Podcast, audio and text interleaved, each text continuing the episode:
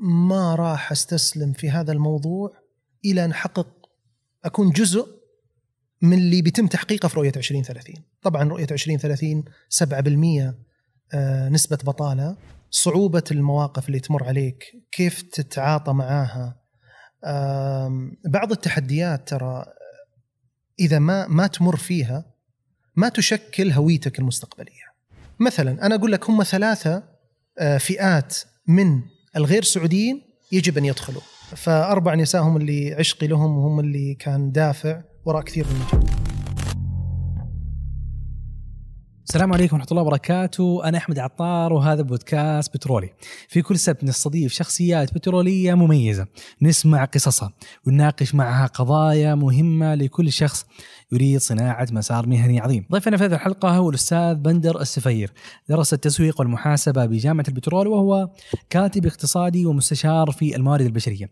عنده أكثر من 150 مقال عن العطالة، عن الاستقالة، عن سوق العمل، وتكلمنا في البداية عن تجربة أن تكون كاتب تحتاج تحليل الواقع وترقب وحس آه، لما يحدث في المستقبل. تكلمنا عن التحديات المهنية اللي مر بها من الدراسة. تعرض للطرد لأكثر من مرة في الجامعة آم، وعن تجربته في وظيفته بعد التخرج لما كان مدير لأحد البنوك وكيف أنه كان آم، أصغر من الموظفين اللي حوله وكيف تعامل مع هذا التحدي. وأيضا آه، في أحد المحطات لما كان مستشار لأحد الوزراء مرحلة كانت صعبة آه، والده الله يرحمه كان في تحدي صحي كبير وكان يحاول يجمع بين العمل والعائلة. وتكلمنا وختمنا الحلقة بشغفه بمجال التوطين آه، وكيف حرصه آه، على إنه يكون جزء من رحلة وصول المملكة لنسبة بطالة تصل ل 7% آه، ساعدني أفهم مصطلح التوطين أكثر. وليش إنه بعض القطاعات نحتاج إلى وجود عامل غير سعودي؟ وش ال... وعلى اي أساس يتم نسمع قرارات توطين القطاع بنسبة كذا. على أي أساس يتم آه، آه، توطين قطاع عن الآخر؟ حلو أتوقع. أنا مبسوط. ليش؟ يعني we made it يعني في achievement ترى. أنا أول محادثه كان بيننا 25 يناير أنا 2022 شفت. اي لطيف. إحنا اليوم لكن 28 أنا. أهنيك صراحة. يعني هذا الإصرار آه، لا شوف في. ضيوف يستاهلوا صراحة. ابعد قلبي والله يا أحمد. والله لا والله أنت يعني حرصك على عملك هذا مؤشر نجاح كبير ترى. يا رب. هذه لما أخليها في الحلقة ما ما بحذفها. ها؟ البداية هذه. إيه. بالعكس بالعكس بالعكس. لا والله حقيقة يعني أنا أصلا. كنت ناوي أتكلم كذا. آه. يعني إنه أكثر من سنة هذا يدل على في شغف يعني مم. شغف كبير جدا. الشغف هذا إيش ممكن يوصل؟ صح. يعني فشكرا والله لك إنك كنت صبور بما فيه الكفاية ومتابع وحريص. الله يعطيك العافية والله على الفرصة واليوم يعني الحمد لله. طبعا أنت تقول لي موضوع الشغف أو إيش اللي يخلي الواحد يعني يكمل يعني لأنه صراحة المحتوى بالنسبة لي إضافة كبيرة. وفكرة الجلوس مع ضيوف عندهم خبرة يعني بعض الضيوف يكون عنده خبرة مهنية بعد سنوات حياتك نفسها. مم، صح. فالجلوس معهم مكسب. وأتوقع يمكن هذا برضو كان أحد الأشياء خلينا نقول موضوع المحتوى ومشاركة أفكارك وهمومك للناس. آه، إن كان لك جزئية في موضوع كتابة المقالات. مم. فكيف إنه أنت تكون عندك فكرة وتعرضها للناس وتأخذ فيدباك برضو كنت تشارك في قنوات. آه عندك لقاء مع أكثر من قناة تناقش آه ترند موجود تناقش تحدي موجود قرار نزل كيف تعالجه؟ بس انت اليوم ما شاء الله انت خلال العشر سنوات الماضية عندك قرابه 150 مقال وأكثر من مقابلة. إيش الشيء برضو؟ أنا أسألك السؤال اللي أنت بدأتني فيه اللي يخليك م- تكمل في كتابة الكتابة. مقال- يا سلام. في الكتابة. مم. خليني أقول لك قصتها من البداية. يعني أحد أساتذتي دكتور محسن النمري في جامعة البترول. ما أعرف حقيقة آه، إيش كان الدافع وراء توجيهه لي. فجأة قال لي بندر لازم تكتب مقالات. إيش كان يرى؟ ما أعلم يعني. وهم الأساتذة الفاضلين حقيقة في جامعة الملك فهد البترول معاد ولما بديت أكتب حقيقة آه، فكرة الكتابة تكون مبنية على عملية تحليل معين على مستوى اطلاع معين. هذا يعزز عندك قراءة للمستقبل عملية استشراف فيخليك مع مرور الوقت ملم بأي أحداث حولك. هذه نقطة مهمة جدا. إنك تعرف تفسر التوجهات تعرف تحللها تعرف تبني تصور للمرحلة القادمة. أمثلة كثيرة جدا. تذكر اول مقال كتبته؟ آه، في صحيفة اليوم. طبعا آه، في صحيفتين كتبت مينلي أو بشكل أساسي صحيفة اليوم صحيفة مال. آه، كان أيضا ال- الأستاذ محمد السهلي آه، الأستاذ الكبير عبد الوهاب الفايز. يعني كان متواجد أيضا الأستاذ سليمان أبو حسين في صحيفة مال الأستاذ مطلق البقومي. ال- كان أول مقالة يتكلم عن العمالة أيضا كان يتكلم عن العمالة بعام تحديدا 2013 14 كان يتكلم عن العمالة. لكن لو رجعت لك لمقالات كتبت وبعد ذلك مثلا آه، رأت النور يعني 2016 كتبت مقالة بعنوان السياحة والترفيه لا يفوتكم. هي إيمانا بالمحتوى اللي عندنا حقيقة يعني أنه في عندنا محتوى آه، كنت أشجع في المقالة أوضح الطاقة الكامنة اللي موجودة والمقومات لدينا في المملكة العربية السعودية آه، في هذين القطاعين. وحطيت أمثلة طويلة جدا في ال- المقالة. سعيد جدا أنه أحد أحلامي أو أحد ال- ال- الأمور اللي أكتبها أراها موجودة. تقصد أحد الشخص لما يدخل يبدأ يكتب مقالات جزء منها أو جزء من المهارات الموجودة عندنا إنه يبدأ يحلل فيتوقع المستقبل. يس إنه ماذا؟ صحيح. بناء على المعطيات صحيح. الحالية لأنه صحيح. آه، ممكن يكون ترى في خلينا نقول إقبال حكومي على القطاع هذا ممكن حيكون في تحدي ترى في خطر طبعا. ممكن يكون بعد عشر طبعا. سنوات. يعني يعني آه، في مقالة أيضا 2016 كان اسمها القضاء على التستر في أسبوع. أيوه. طبعا يعني كلمة أسبوع لا تدقق معايا. شوي يعني عناوين يعني يعني آه، شوف حامد زيد الشاعر إيش يقول عن الشعراء؟ يقولون ما لا يفعلون. يعني فلا تدقق في العبارة. لكن كنت أتكلم في 2016 إنه في أمامنا آه، آه، يسموها quick win أو قصة نجاح سريعة. لو وقفنا التعامل بالنقد الكاش. عام 2020 صدر القرار بإلزام إيقاف التعامل بالكاش أو النقد حتى يتم السيطرة على جزء كبير من أوجه التستر. آه 2019 مقالة صراع العمالقة حقيقة كانت interesting أو أو أو يعني الفكرة اللي طرحتها إنه العمالقة مين هم اللي في السوق؟ حطيت إنه البنوك أو المصارف وأيضا شركات الاتصالات. فكنت أطرح في المقالة إيش المنتجات اللي أو توجه قطاع الاتصالات حينافس البنوك؟ حينافس البنوك في كثير من المنتجات 2021 صدر قرار مجلس الوزراء بإصدار أول ترخيص شركة اس تي سي ترخيص بنك اس تي سي طبعا ما أعلم بعد ذلك إيش صار في أمثلة كثيرة. آه، مقالة مثلا حراس الأمن بحاجة لمن يحرسهم. كنت أتكلم إنه إن لم تتدخل الدولة تنظم هذا القطاع كمستثمر آه، لن يتنظم. في عندنا الآن صندوق الاستثمارات العامة شركة سيف تحديدا تعمل في القطاع هذا رفعت معاييره التشريعات اللي موجودة فبالتالي حفزت الكل إنه يقرب من آه، هذا الأمر. كثيرة حقيقة الأمثلة اللي توضح وصار عندك يعني أنا عندي مثلا فكرة مقالة قادمة يسعدني والله أشاركها مثلا. الفرق ما بين ال- الآن تجد إنه جزء كبير من الموظفين الحكوميين آه، يقول أنا بروح قطاع خاص زخم العمل كبير صراحة جزء كبير جدا من موظفين القطاع الخاص يقول لك أنا أبي أستقر أكثر بروح للوظيفة الحكومية. أنا أنا أراهم يتقاطعون بشكل قريب جدا. يعني الوظائف الحكومية في مرحلة تحول خصخصة. شوف فين تروح أي اتجاه. الوظائف الخاصة يتم ضبطها يتم تنظيمها يتم وضع حدود دنيا للرواتب يتم وضع سياسات ترفع من جودة الوظيفة نفسها. ف بعد فترة قريبة تجد إنه قريبين جدا من بعض. لن تجد فوارق كبيرة ما بين الوظيفتين. المفترض إنه القطاع الخاص هو المحرك الرئيس واللي يخلق الوظائف ما هو القطاع الحكومي. مم. هذا في كل دول العالم متقدمة. وأعتقد نحن نسير في هذا الاتجاه؟ يعني تقارب القطاع الخاص والعام من ناحية خلينا نقول ال- الحياة الوظيفية للموظف جالسه تتقارب. صحيح. يمكن هذه احد أحد الاستشرافات اللي أنت جالس تتكلم عنها عن مستقبل العمل. مم. كيف حيكون شكل سوق العمل؟ أتوقع برضو عندك مقالات تتكلم عن شكل العمل في المستقبل. مم. كيف حتكون حياته اليوم كموظف؟ اليوم أي موظف بيقضي ثمانية ساعات. آه وفي معلومة شوي زعلتني أنا ما كنت أعرفها. إنه أصلا في في نظام ال- العمل عدد الأيام للموظف في القطاع الخاص هي ستة أيام. بس لكن خلينا نقول بالعرف والشركات بتخليها في الغالب خمسة أيام. آه لكن أنت بتقول إنه ممكن مستقبلا عدد الأيام حتقل.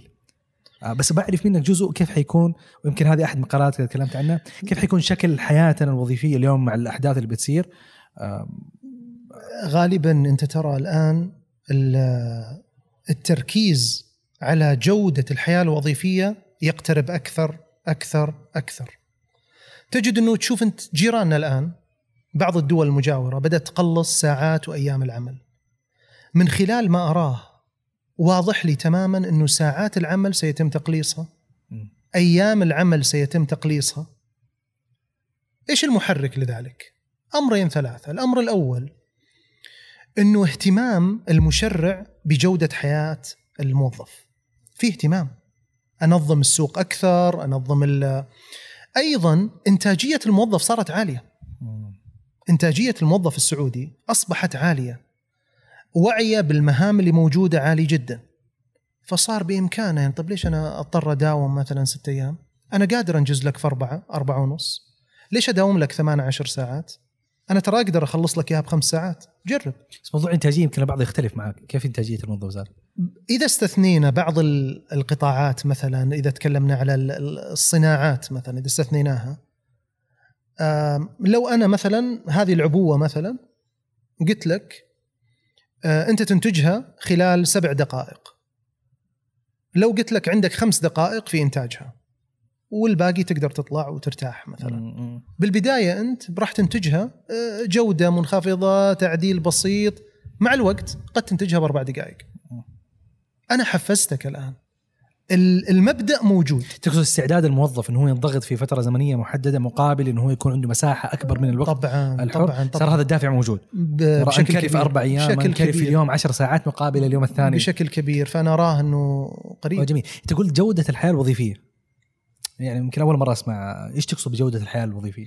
جودة الحياة الوظيفية من حيث التشريع من حيث الممارسة من حيث بيئة العمل.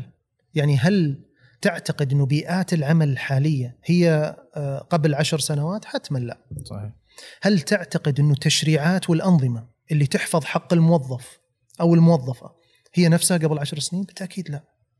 قبل خمس سنين ما كان في يمكن حتى محاكم عمالية.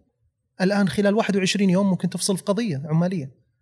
وعي أصحاب العمل أيضا بعمليات التقاضي صار يجنبهم كثير من المشاكل. آه الأتمتة اللي تدخل يعني يمكن أزمة كورونا ترى من آه، مزاياها أو من مكاسبها إنه اكتشفنا إنه إحنا نقدر ننتج حتى في البيت. آه، بعض التطبيقات آه، تم استخدامها أثبتت إنه فعلا كثير من الاجتماعات ما كان لها داعي. أقدر أسويها من خلال التطبيقات المرئية مثلا. اكتشفت إنه في أمور ما أحتاج أسافر لها. لا طيب ممكن أنا أجتمع معاك من خلال هذا التطبيق وأنجز العمل. فبالتالي دخول التقنية ودخول التقنية آه، كان كورونا لها فضل بعد المولى عز وجل في دخولها ساعد في عملية إنه الإنتاجية تتحسن يعني جودة كم فبالتالي تاثر على الموضوع بشكل عام يساعدني كمتخذ قرار إنه أبي جودة الحياة الوظيفية أكثر. إيه، في أشياء تفاصيل صغيرة أنت سويتها على المستوى الشخصي لاحظت إنها فرقت كبير في جودة حياتك الوظيفية؟ آه شوف جودة الحياة الوظيفية تبدأ يعني بتكلم مثلا عن نفسي جودة الحياة الوظيفية تبدأ بتنظيمك لوقتك. واحد نظم وقتك اثنين لابد تكون عندك هوايات تمارسها باستمرار. لازم تكون هوايات خارج هذا الإطار خارج إطار العمل. عملية تحريك العناصر الإبداع عندك والشغف عندك هذا ترى يعزز إنتاجيتك أكثر. ممارسة الرياضة ترى لها دور كبير جدا. تجد يمكن كثير من الناجحين في ال- أعمالهم جميل. الرياضة ترى تلعب دور مهم جدا في حياتهم. أفرغ من خلالها كثير من الضغوط. أساعد يعني من خلال ممارستي للرياضة في احتواء كثير من الأزمات ترى على فكرة أنه حتى ذكائي العاطفي يمكن يساعدني أيضا في احتواء كثير من التحديات كيف إدارتي للغضب مثلا إدارتي لبعض الضغوطات. احتوائي لبعض الإشكاليات مثلا طبعا أنت كنت آه، على طاري الهوايات إنه آه، كنت رئيس الاتحاد السعودي للسهام. سهام هي هذه ولا الأرشري اللي هو السهام. رماية بالسهام أم، فترة اعتز فيها كثير. مم. أربع سنوات ونص. آه. عاصرت فيها أربع رؤساء أو أربع وزراء لوزارة الرياضة وكانت هيئة العامة للرياضة. صاحب سمو الملكي الأمير عبد الله بن مساعد آه، ثم آه، معالي محمد آل الشيخ ثم معالي تركي آل الشيخ ومن ثم سمو الأمير عبد العزيز بن تركي الفيصل. صاحب سمو الملكي الأمير عبد العزيز بن تركي الفيصل. جزء من عطائك يعني كرئيس اتحاد هذا جزء من تطوعك. عطائك في إدارة هذا الملف تنقله من مرحلة إلى مرحلة فبالتالي لعبة كانت مغمورة لا أزعم إنه الآن شعبية جارفة لكن حتما صار في ترى تحرك فيها بالأرقام ما كان في مثلا بالنسبة لك كانت كهوايه كنت تمارسها بين فترة آه وفترة ما كانت هواية طال عمرك آه. آه. ما كانت هواية بس كانت رغبة من الوزارة آنذاك صاحب السمو الملكي الأمير عبد الله مساعد باستقطاب بعض الكفاءات اللي نجحت في القطاع الخاص فبالتالي آه. تعكس لنا بس أنت ما لك تجارب ممارسة ما لي ممارسة طبعا. فكان هي تجربة إدارية أكثر. تجربة إدارية أكثر. وكنت تجمع بينها وبين عملك الأساسي. إي نعم ما لها علاقة كان في العمل. فبالتالي تحدي كبير إنك أنت تنقل لعبة كان عدد ممارسينها اللي مسجلين في الاتحاد 50 شخص. مم. تنتهي ب 5000 مثلا. مم. ما كان في نساء يمارسوها مارسوها. كان مواقع التدريب تنعد على أصابع اليد أصبحت منتشرة في أنحاء كثير من المملكة. الإنجازات اللي موجودة تحقق ميداليات ذهبية ميداليات برونزية. في مكان أنت تلعب في آسيا طبعا المسيطرين على العالم اللعبة هذه هم كوريا. فأنت آه. موجود في آسيا. يا في معقل زعماء اللعبة. هذا تحدي. كبير جدا. فبالتالي كانت تجربة تقدر تقدم على الأقل البلد شوية من وقتك ومن جهدك ومن فكرك ومن علاقاتك. بس ما شاء الله أنت الآن رئيس الاتحاد السعودي في فترة ونفس الوقت كنت آه، يعني مستشار لأحد الوزارات وكاتب اقتصادي آه وممكن تكون برضو عضو مجلس إدارة في, في أكثر. من جهة. فأنت اليوم في أكثر من حاجة مهمة كبيرة آه، يعني في حياتك و ويظهر إن شاء الله إنه أنت يعني ناجح فيها كلها. فأنت تكلمت عن موضوع إدارة الوقت فكيف جالس وفي نفس الوقت في أسرة. آه فكيف كنت تجمع بينها؟ هل في يعني كذا خلينا نقول ممارسات شخصية في إدارة الوقت لامست تأثيرها؟ شوف كل مهمة يتم تكليفي فيها أنا أعتبرها يعني آه، التكليف وليس تشريف فبالتالي يجب علي ترتيب أولوياتي بشكل مباشر مم. على طول يعني أنا كلفت بهذه المهمة حتى أنجح فيها إذا قبلت لأني لن أقبل شيء أنا ما أقدر أنجح فيه. ما أحب حقيقة التواجد بمكان أنا لا أستحقه ولا أستطيع النجاح فيه. فبالتالي وثق فيك ال- ال- المتخذ القرار. آه لابد تشوف الأولويات الآن. كنت تمارس أو تقوم بخمس ستة فبالتالي يجب عليك بكل جرأة وشجاعة إنك تستغني عن واحدة. يذكر أكثر مرحلة كان عندك ضغط فيها؟ طبعا يعني كنت ارأس الاتحاد وأيضا مستشار لأحد الوزراء ومدير عام للموارد البشرية في الوزارة وأكتب في أكثر من صحيفة. وكانت تلك الفترة يمكن اللي صعبها العرض الصحي اللي مر فيه والدي الله يرحمه. يعني كانت هذه يمكن نقطة الواق الواحد يتوقف عندها. يعني في نهاية 2018 آه، أثناء عملي كمستشار لأحد الوزارات. وكان الملف حقيقة ما هو بسيط يعني. المهام المطلوبة رؤية ال ال ال ال الوزير آنذاك. فوالدي رحمة الله عليه آه، تعب ودخل عناية مركزة وفي غيبوبة و واضطريت إني يعني أقتطع من وقت عملي لأن هو كان في الخبر أنا كنت في الرياض عشان أكون بجانبه. فالشهر الأول حاولت أوزن الأمور. الشهر الثاني حاولت أوزن الأمور ما ما استطعت حقيقة. كان صعب جدا إنك تلتزم بأمانتك الوظيفية وتكون جنب أسرتك والدك في فترة صعبة وأنت أكبر إخوانك. فاضطريت أخذ قرار صعب. اضطريت أستقيل يعني البعض أيد البعض عارض بس يعني كان قرار صعب لازم تتخذه. فاعتذرت من معالي الوزير وقلت له يعني ظرف لا أعلم لم- لمتى يستمر. هل هو ست شهور قدام ست سنين ثلاث سنين؟ اللي يدخلوا هذه المرحلة ك يعني عناية مركزة أو غيبوبة ما تضمن ال- ال- الفترات.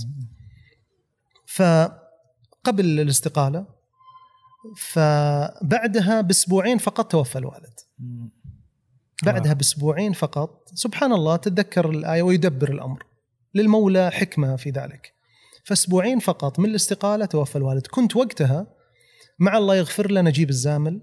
في أمارة المنطقة الشرقية آه، كان يتم تكريمنا آه، ضمن فريق عمل آه، لجائزة العمل جائزة العمل التطوعي في المملكة العربية السعودية. كنت أحد المؤسسين اللي يعملون فيها. فكن كانت جوالاتنا كان المستشفى يحاول يتصل. فنظام الدخول للأمارة يجب أن تترك جوالك وتقفله وكذا. فكنا في الساعتين الثلاث ساعات هذه في الأمارة. تم تكريمنا من صاحب سمو الملكي الأمير سعود بن نايف. أمير المنطقة الشرقية. ولما طلعنا فتحنا الجوالات آه، شفنا الخبر. آه لما تتذكر الفترة ذيك إيش نوع المشاعر ال- المشاعر القرار اللي اتخذته والضغط اللي انت عشته؟ أنا أظن هذا النوع من المواقف اللي يمر فيها الشخص هي اللي تصنع ما هو قادم له. مم. صعوبة المواقف اللي تمر عليك كيف تتعاطى معاها. بعض التحديات ترى إذا ما ما تمر فيها ما تشكل هويتك المستقبلية.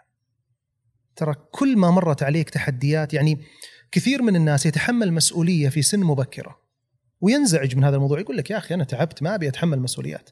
لكن يكتشف أنه سبق كثير منهم حوله في النضج في التجربة في النجاح إلى آخره.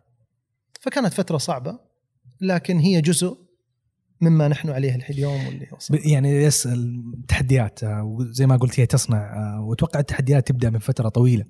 آه، يعني أنت يمكن أحد التحديات اللي عشتها فترة الجامعة هو انه أنت فصلت من الجامعة. مم. يعني يعني بلا تشوه سمعتي يعني ما فصلت يعني هي هي أوقفت عن دراسة. خليني. أقول لك بس فكرة الدراسة. بالبداية أنا صراحة كانت رغبتي في الطيران الحربي تحديدا. كنت أبي أصير طيار.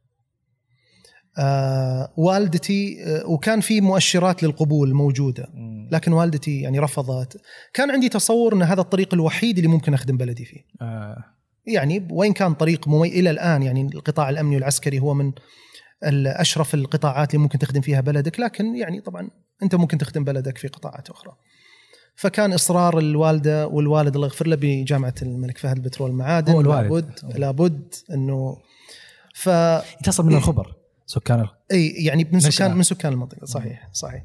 فطبعا التجربه الدراسة بالبداية ما كنت ماخذها بالجدية اللي يجب أن تؤخذ. أدي ليش؟ لأن أنت كنت مرتبط ذهنيا في الطيران والطيران العسكري والحربي بالدرجة الأولى فما أنت مركز؟ انخفض معدلك. هنا الآن تجربة مرة مهمة. انخفض معدلك. نظام صارم جامعة البترول. مم. خفض معدلك نعطيك إنذار. فصل دراسي واحد. آه، وبعدها إذا تكرر سنة دراسية لا أعلم إذا الحين الأمر مستمر. تغير شوي أنا. تغير شوي. فلما وقفوني عن الدراسة لمدة ثلاث شهور بسبب انخفاض المعدل. أنا طبعي ما أحب أجلس فاضي كذا. فقلت قلت إنه خليني آه، أعمل أي وظيفة. سبحان الله في الفترة اللي وقفت عن دراسة فيها قلت خليني مثلا أشتغل. لما دخلت إطار العمل شفت آه التنظيم اللي قاعد يصير التنظيم اللي قاعد يصير في بيئات العمل. كيف تصنيفهم للموظفين مثلا بسبب آه آه درجته العلمية بسبب مثلا مستوى معين؟ قلت لا معناها إنه يجب أن أهتم بهذا الملف حتى أصل لهذه المرحلة.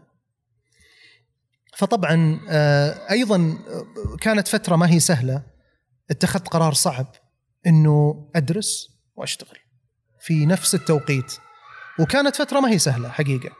فترة ما هي سهلة ابدا. ليش؟ لأنه لا الجهة اللي أنا أعمل فيها وهذه يمكن موقف طريف أقول لك أول مقابلة وظيفية يمكن. لا الجهة اللي أعمل فيها أنا قدرت إنه أنا أدرس في الجامعة لأنه يعتبر عمل كامل. مم. ولا الجامعة عندها مساحة أو نوع من البرامج إنه أدعمك كموظف فبالتالي ساعات معينة. رتب جدولك. العمل يقول لي الساعات اللي تطلع فيها تكملها بعد الدوام. والجامعة كذلك ملتزم ساعات حضور. أول مقابلة وظيفية. حلو. أول مقابلة وظيفية كانت في شهر أوغست أو أغسطس 2000 آه. 23 سنة. هذا بعد التخرج؟ لا لا أثناء الدراسة. أثناء الدراسة. لما قلت لك فترة الإيقاف. فأتذكر المسؤول كان سعودي. مسؤول سعودي. قال لي كذا حرفيا قال إحنا ما لنا وظ... ما عندنا وظيفة لك. انطب... الانطباع كان عن كثير من ال- ال- السعوديين ذاك الوقت كان ما هو جيد على الأقل بالحضور والانصراف على الأقل بهذه الممارسات. تكلم 23 سنة مضت. قلت له طيب جرب. خلينا قال بنجربك ثلاث شهور ونشوف آه لحد الآن أنا محتفظ بالإيصال مم. الراتب يعني 3125 ما شاء الله اللهم زد وبارك اي إيه نعم ف من أول شهر وقعوا العقد أول شهر مع إني ما عملت شيء ابدا إلا إني حضرت الوظيفه كانت في إيش؟ محاسب آه محاسب في قسم المحاسبة محاسب مالي؟ محاسب إداري مم. حتى أو أولى مراحل المحاسبة مم. ف وفيها أيضا تجربة مع غير السعوديين هنا. كيف يتعاملون معك طبعا أول شهر تم توقيع عقد معي كانت مفاجأة بالنسبة لهم مع إني ما عملت شيء يذكر فقط حضرت قبل الموعد المعتاد. سبع أنا قبل سبع موجود. هم رأوا إن هذا يمكن علامة كافية. علامة جيدة فوقعوا العقد. مم. بديت العمل. يعني. كان يرأسني أحد الأشخاص من الجنسية الآسيوية. أم... كانوا يطلبون منا باستمرار تعليمي. لازم تعلم هذا الشخص حتى يعني يكون في تسلسل معين أو تعاقب معين. وهو كان متخوف يعني بحكم طبيعة ال- ال- ال- الفئة هذه أنه يتخوف أن أنت تتعلم فبالتالي تأخذ وظيفته فهو يروح ال... كان يقول لي تعال ال- خميس وجمعة خميس وأيام ما كانت الخميس آه، إجازة. مم. يعني رجعتكم ورا واجد. فكان الخميس تعال الخميس وأعلمك. كنت أجي الخميس ما يحضر. آه. قال لي خلاص الجمعة تعال وأنا أعلمك. كنت أجي الجمعة ما يحضر. صرت عرفت إن الرجل ما هو حاب يعلمني. فقمت قمت أرجع للملفات اللي هو من خلالها يسوي إدخالات المحاسبة دون أن يعلم يعني. وسويت المطلوب مني. فالحمد لله توفقت. وأول سنة تم ترقيتي مباشرة المرتبه اللي بعدها. صار هو انزعج من هذه الممارسة فصار يحط في الملفات أشياء خطأ حتى لما أرجع لها أصدم وهكذا أوه. هذا تحدي لازم نتعامل معاه بمنطق ونفهم سلوكيات الطرف الثاني هو آه، ما هو كره لك كشخص ولا هو ضدك كشخص هو قاعد يحاول يحافظ على وظيفته. فمن بعدها الحمد لله آه، وتخرج من الجامعة تخرجنا من الجامعة كم المعدل؟ طبعا أيوه بعد العمل بعد ما دخلت في بيئة العمل المعدل ارتفع يعني لو أنا استمريت على الوضع هذا أربع سنوات كان ممكن تكون مرتبة شرف أو أونر. ليش؟ لأن آه، حقيقة آه، علاقاتي كانت لأني كنت أعمل مم. آه، علاقاتي كانت مع المعيدين والمحاضرين هم أصدقائي كنت أخلص الاختبار أرى أساعد المعلمين في المراقبة أساعدهم في الروستر أو تصح... رصد الحضور والغياب.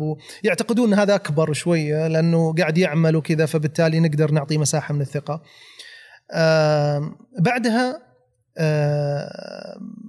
أحد المصارف الكبرى. وهنا أيضا تجربة مرة مهمة. آه، عرض عليك أن يكون مدير أحد الفروع. جميل. هذا متى؟ 2005 أي بعد التخرج أي نعم. أي. فعرض علي انه يكون أحد ال- الخريجين أحد عفوا المدراء الفروع فلما سألت وأنا كنت وقتها يعني المفترض إنه صغير في السن على مدير فقلت لهم مدير أحد فروع البنك أحد فروع البنك مم. آه، طبعا ليش أحد ليش مثلا رحت لمرحلة مدير؟ اولا لأنك أنت كنت تعمل وتدرس فصار عندك تراكم كم سنة خبرة. اثنين خريج جامعة البترول. يعني هذا أعطى دفعة كبيرة للمصرف إنه يختارك لهذه الوظيفة. طبعا لما تطقست كذا حاولت أقرأ مثلا أنا مقدم على إيش بالضبط؟ إيش المدير؟ إيش بيسوي؟ اكتشفت إنه من صفاتك كمدير لازم تكون شايب. اي لازم لازم. اي لازم. يعني ما راح يتقبلونك على الأقل الموجودين ما راح يتقبلونك بسهولة. ف يعني إيش أجيب لهم أنا يعني عشان أصير شايب يعني ما ما في ما عندكم إلا فأتذكر إنه يعني صار تكنيك بسيط وكذا فحاولت أربي ما كانت موجودة حاولت أربي اللحية بشكل أقل شيب من الآن وفصلت نظارة ما هي طبية فصلت نظارة ما هي طبية. أبي أول أبيهم بس يعرفوني أنتم يعرفوني يشوفوا طريقة الإدارة وبعدها أحكموا. فبالتالي أبي بس هذه أول تجربة إدارية تقريبا آه، بالمستوى تجربة هذا إدارية، احترافية. صحيح، صحيح. كم كان تحتك موظف آه كان يمكن 13 15 جميل و- ومدة- وأغلبهم كبار سن أوه أغلبهم كانوا كبار سن وكيف كنت. تعالج التحدي هذا يعني آم، أنت يجب أن تعطي مساحة للطرف اللي أمامك إنه يكسب الثقة. يعي إن أنت فاهم، إن أنت قادر تستوعب، إن أنت آه، تستطيع الاستماع، تحل تحدي. آه، ما هو مثلا واحد حديث تخرج جاء في المكان هذا. فجلست على الوضع هذا باللحية وال- والنظارة يمكن ثلاثة شهور إلى ستة بعدها شهور. حلقت بعدها اعجبني الوضع ما حلقت خليتها سكسوكة فالنظارة شلتها لأنهم فعلا العلاقة تطورت مع زملائي آه. آه، الإدارة شافت تعامل مختلف مع الموظفين كان عندهم تصور أنا جاي مثلا يمشون أو- أو جاي أستبدل بعضهم لا والله بالعكس يعني آه، صنعنا قصص نجاح جميلة مع بعض آه، في جزئية الاستثمار وفي جزئية إدارة أيضا الفرع. كيف كانت تجربة مدير يعني أقصد فخمة فخمة بالبداية حلو. مرة فخمة مرة ما فخمة. تسوي شيء كان يعني مش ما أسوي شيء يعني كانوا الناس يعتقدون أنت مدير فرع فالفلوس اللي داخل آه، انت يعني عندك آه، فكانوا لا مدير مدير بنك مدير بنك إي نعم نعم كانت فيها فخامة عالية يعني يعني هذه الفخامة. طبعا طبعا طبعا هذه الفخامة آه، تصعب عليك الخروج. أيوه. فأنا لما جيت أطلع من البنك كان الكل يستغرب يعني كيف تطلع؟ أنت رايح لمنشأة كحجم أقل. قلت لا أنا مش هذا هدفي أقل ولا أكبر. في تجربة صعبة قدام راح نتعلم فيها ومنصب قيادي أعلى بيخليني أتعلم. يعني كان الكل يقول لي يعني أنت كيف تترك مصرف بهذا الحجم؟ أو منشأة مالية بهذا الحجم؟ ما عندك مشكلة. ما في فخامة أحسن من كذا في ذاك الوقت على هذاك العمر. ف أعتقد إني اتخذت قرار آه، صح. آه، حتى أذكر زملائي في المصرف يعني ما أنهوا خدماتي على طول. قالوا خله يجرب ويرجع زي غيره يعني. ف واجهنا تحديات يعني ب- بعدها رحت لقطاع حكومي؟ لا لا لا لا، قطاع خاص. أيوه. فكانت تجربة آه، صناعية. هذا اللي يصنع ترى جزء من الخبرة هذه عملية التنوع. يعني لما الآن آه، كوني مختص مثلا في الموارد البشرية لما أعي مشكلة محاسب أو مسوق أو أنا مريت في تجارب مشابهة لما أعرف أختار الموظف آه، أو انتقيه ما بين مجموعة بناء على ممارسات معينة مم. فوجدت لا والله في فرصة ثانية آه، انطلقت فيها وتحدي جديد ومن هنا بدأ اهتمامك بالموارد البشرية صحيح مم. بس إنت الأصل إنت خريج إدارة ومحاسبة كان كان double major أو تخصصين أوه. تسويق محاسبة تسويق ومحاسبة. تسويق أوه. محاسبة فال- فالأصل كان بداية ما... إيه، مين اللي دخل بعد كذا؟ المحاسبة دخلت أوه. لأن العمل اللي كنت أعمله كمحاسب آه. طلبوا مني قالوا لا أنا تسويق ما ابي يجب أن تدرس محاسبة اوه قلت يعني أنا عندي جهد كبير قاعد أبذله في التوفيق بين تبوني أدرس مواد أيضا محاسبة حاضر عشان فقط إنهم يعطوني فسحة الخروج من المكتب وأرجع. أوه لطيف. يعني ولا كانوا قالوا لا إحنا مش ملزمين بعملية دراستك. هذا كان تحدي. هو جميل. وبعدها يعني يس فانت الآن تسويق آه، كتخ- تسويق تخصص ومحاسبة تخصص بكالوريوس. وبعد كذا رحت لموارد بشرية. يعني منطقة بعيدة أغلب المنطقة ما هي ما هي بعيدة. آه، كانت الفرصة اللي بعد المصرف نائب مدير عام للمحا... للمالية اللي سبق وعملت فيها. وللتسويق اللي سبق في البنك عملت فيه وللموارد البشرية. آه فثلاث مناصب أو كانت ثلاثة كانت هي نائب. تعرف أي شركة؟ في رئيس لها ومدير عام تحته في نائب للإنتاج أو نائب للي نسميه النشاط الأساسي ونائب للخدمات الأخرى مم. الإدارية الأخرى. فقالوا أنت عندك خبرات مشابهة فبالتالي ممكن تمسك هذه الخبرات. تجربة جديدة فيها آه، آه، تسليط ضوء على صناعة ما مريت أنا على صناعة. البنك كان أو المصرفي كان خبرة قبلها فبالتالي إنه تمر على صناعة ما هو شيء سهل وتدخل حتى في عمليات الإنتاج. مم. كانت كانت تجربة ثرية. جميل. التحدي اللي كان في في المصرف إنه أنت كنت إداري على ناس أكبر منك فأنت سويت ال trick حق كان كان كان هذا. طيب إيش إيش كان التحدي في موضوع التجربة الصناعية؟ آه، اولا آه، التحدي إنك تبدأ تدخل للمنشآت العائلية. يعني عملت يمكن في الفترات الأخيرة مع خمسة منش... آه، شركات عائلية. كان هذه أولها. فثقافة مختلفة إدارة مختلفة حوكمة مختلفة. آه، هذه تعطيك مرونة إدارية؟ بالعكس تماما. المرونة ما تكون هنا. أها. هنا مركزية بشكل كبير جدا. الفترات الأخيرة صار لا. في لا مركزية في تفويض. في منح إيش الفرق بين المركزية وبين اللامركزية في الإدارة؟ طبعا إنه أغلب القرارات تكون عندك وهذا له آه، مساوئ ومحاسن يعني. والعكس صحيح إنه اللامركزية أيضا لها تحديات ولها إيجابيات. فيجب أن توزن الأمور يعتمد على نشاط المنشأة. هذا يلعب دور مهم جدا. يعتمد أيضا على طبيعة العمل طبيعة القرارات اللي ممكن تتخذ. في تفصيل كبير جدا. حلو. هذه فترة الفترة الصناعية لما أنت كنت فترة، نائب نعم. مدير وما شاء نعم. الله من منصب إداري لمنصب إداري ثاني. آه وبعرف فين بدأت تدخل قصة الموارد البشرية بشكل متخصص أنت بعدها مباشرة مجموعة شركات عائلية آه، كمدير موارد بشرية لأربع شركات مم. هم 14 شركة فأول سنتين آه، كنت لأربع شركات وبعدها تم ترقيتي للمجموعة ككل ل 14 آه، وكان هذا الحراك في 2010 مم. 2012 بداية التركيز أو الضغط على ملف التوطين أو السعودة آنذاك. ففعلا هنا تولد الشغف هذا. أنت في bio تويتر كاتب التوطين شغف. بالنسبة لي من هذيك المرحلة يعني خلاص صار عملية ال ignition هذه أو الاشتعال هذا. أنا توطين بالنسبة لي شغف. في مقالة راح أطرقها. بتكلم عنه في وظيفة راح أعزز. كنت مسؤول حكومي راح أدفع بهذا الملف. لعدة أسباب. أنت بدأ الاهتمام 2018 عشرة. لا لا لا. بالاهتمام بالتوطين. بالتوطين من 2010 2010 فتقريبا 13 سنة. كيف كان وقتها شكل التوطين خلينا- الموقف اللي خلاك تقول لا أنا هذا موضوع بهتم فيه؟ شوف ال ال أقرب ما يكون للموارد البشرية. ه- هذا. اثنين رجعني للملف الأول للطيران الحربي. يا سلام. أنت تبي تساهم في خدمة وطنك. ال- الخدمة هذه ممكن تتم من عدة جهات. لقيت الملف اللي أنا أشعر أقدر أخدم وطني فيه بشكل كبير جدا. توطين. سعودة كان اسمها أصبح توطين.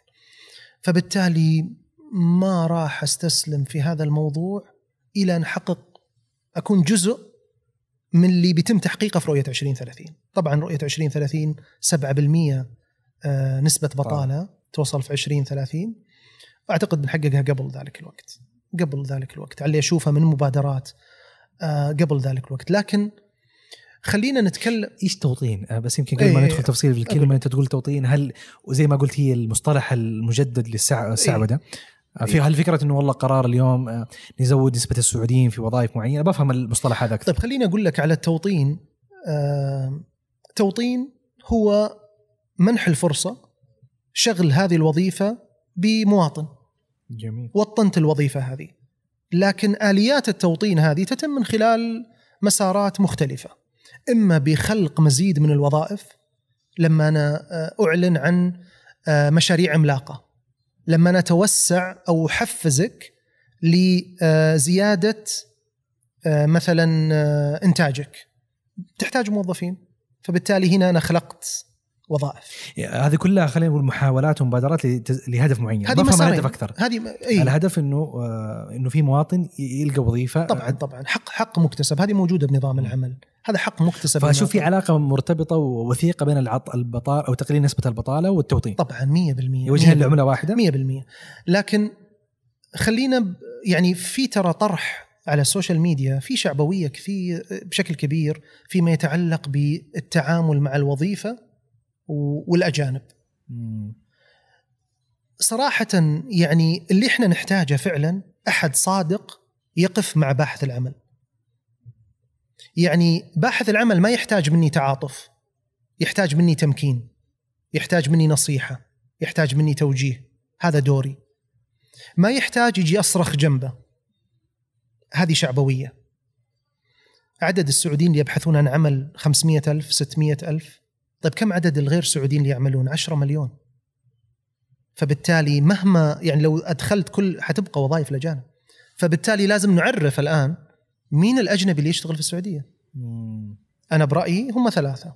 في تقول أصلا ما في مشكلة من وجود ال... فما يتعارض والله تقليل البطالة أو زيادة التوطين مع وجود أجانب يشتغلوا. ما ما تقدر أصلا. أنت ما آها. تقدر أصلا. ما تقدر أصلا. يعني آم، عدد الوظائف عشرة. عدد العاملين غير سعوديين 10 مليون. وعدد الباحثين عن عمل 500 600 ألف لو وصلوا لمليون. طيب كيف أنت ممكن تقاطع هذه فوجود العامل الأجنبي مهم لكن تتكلم إنه في نوعية معينة. في نوعية معينة. هذا الآن اللي الدولة تبذل جهود كبيرة في عملية آه، تنظيم هذا الدخول. مثلا أنا أقول لك هم ثلاثة آه، فئات من الغير سعوديين يجب أن يدخلوا. اولا تخصصات نادرة أو مجالات آه، نادرة جدا. وهي بعض التخصصات. ال- ال- الحديثة في السعودية حديثة في السعودية يعني في بعض القطاعات اللي تبنتها الرؤية قطاعات حديثة. فبالتالي ما أقدر أجيب أحد الآن يقودها وصار له 20 15 30 سنة 10 سنوات. فبعض التخصصات الطبية بعض التخصصات الجامعية. فبالتالي هذا مسار من خلاله أستقطب أستفيد من هذه الخبرات. اثنين قلنا أول شيء تخصصات اثنين أعداد. في وظائف لا يمكن نتيجة عددها الكبير لا يمكن أشغلها بسعوديين مثال التمريض. عمرك شفت لا يمكن ناحيه العدد. العدد العدد الآن. مم. يعني نادرا ما تجد ممرض أو ممرضة عاطل أو يبحث عن عمل. نادرا نادرا. إلا إذا كان عنده اشتراطات معينة. بالغالب فترة انتظارهم من خروجهم من مقاعد الدراسة قليلة جدا. لأن الطلب رهيب جدا وعدد الوافدين كبير جدا. فهنا محتاج الوافد لعدد. ثلاثة لمستوى وظيفي. في مستويات وظيفية أنا ما راح أنزل لها لتعيين السعودي فبالتالي هنالك بعض الفئات ممكن تعمل فيها. لا يجب أن يدخل أو أو يدخل سوق العمل ال- الوافد إلا لهذه الثلاثة مسارات بوجهة نظري أنا. فالتعاطي معها يجب أن يكون تعاطي شركاء. ما هو شعبوية. بفهم الثالث الأخير معليش. الثالث مستوى الوظائف. في وظائف مثلا أولية نسميها. أولية. هذه الوظائف لا عدد السعوديين ممكن يتوزع عليها. زي عمال النظافة مثلا. مثلا. ولا رغبة السعودي ولا مستوى مثلا ولا تأهيله مثلا لأن هذه تحتاج تأهيل أقل. فبالتالي يعني أكثر من 60% من يبحثون عن عمل.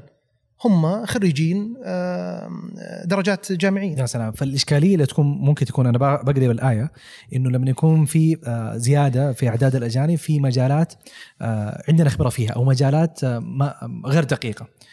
وفي نفس الوقت لما يكون والله برضو في عدد كبير في مجالات في خريجين سعوديين فيها. هنا الآن هنا الإشكالية هنا الآن يطلع لك مسار التوطين الثاني اللي هو قرارات التوطين أو الإحلال. حلو أيوة يصدر قرار أحل السعودي بغير السعودي حلو أوكي؟ متى معناته على أي أساس تختار على القطاع؟ أساس بناء على العرض والطلب من القدرات البشرية اللي موجودة يا سلام يعني الآن أنت ما تسمع في قرارات توطين مختلفة مثلا 100% 90% 80% على أي أساس طيب؟ ليش هذا النشاط تحديدا؟ ليش هذه المدينة تحديدا؟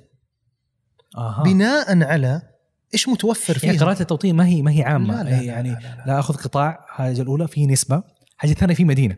أول شيء في مدينة أو منطقة زين. في آه، مهنة معينة في نشاط معين وفي نسبة معينة وفي أيضا آه، جنس معين ولد ولا بنت. أها. فبالتالي أجد أشوف مثلا وظيفة ال- يعني مؤخرا تم توطين قطاع ال- ال- الطيران مثلا سواء المنسقي ال- ال- الخدمات الأرضية الملاحة ال- الضيافة ال- اللي على الطياره المساعدي الكابتن أو الطيار. بناء على إيش؟ مثلا أخليها 50% وبعد سنة تكون 100% عندي مقاعد دراسة. حتخرج هذه المقاعد الاعداد اللي يبحثون عن عمل الآن. هل هم مواكبين أو موائمين للطلب على هذه الوظائف؟ فبالتالي يصدر التشريع اللي من خلاله.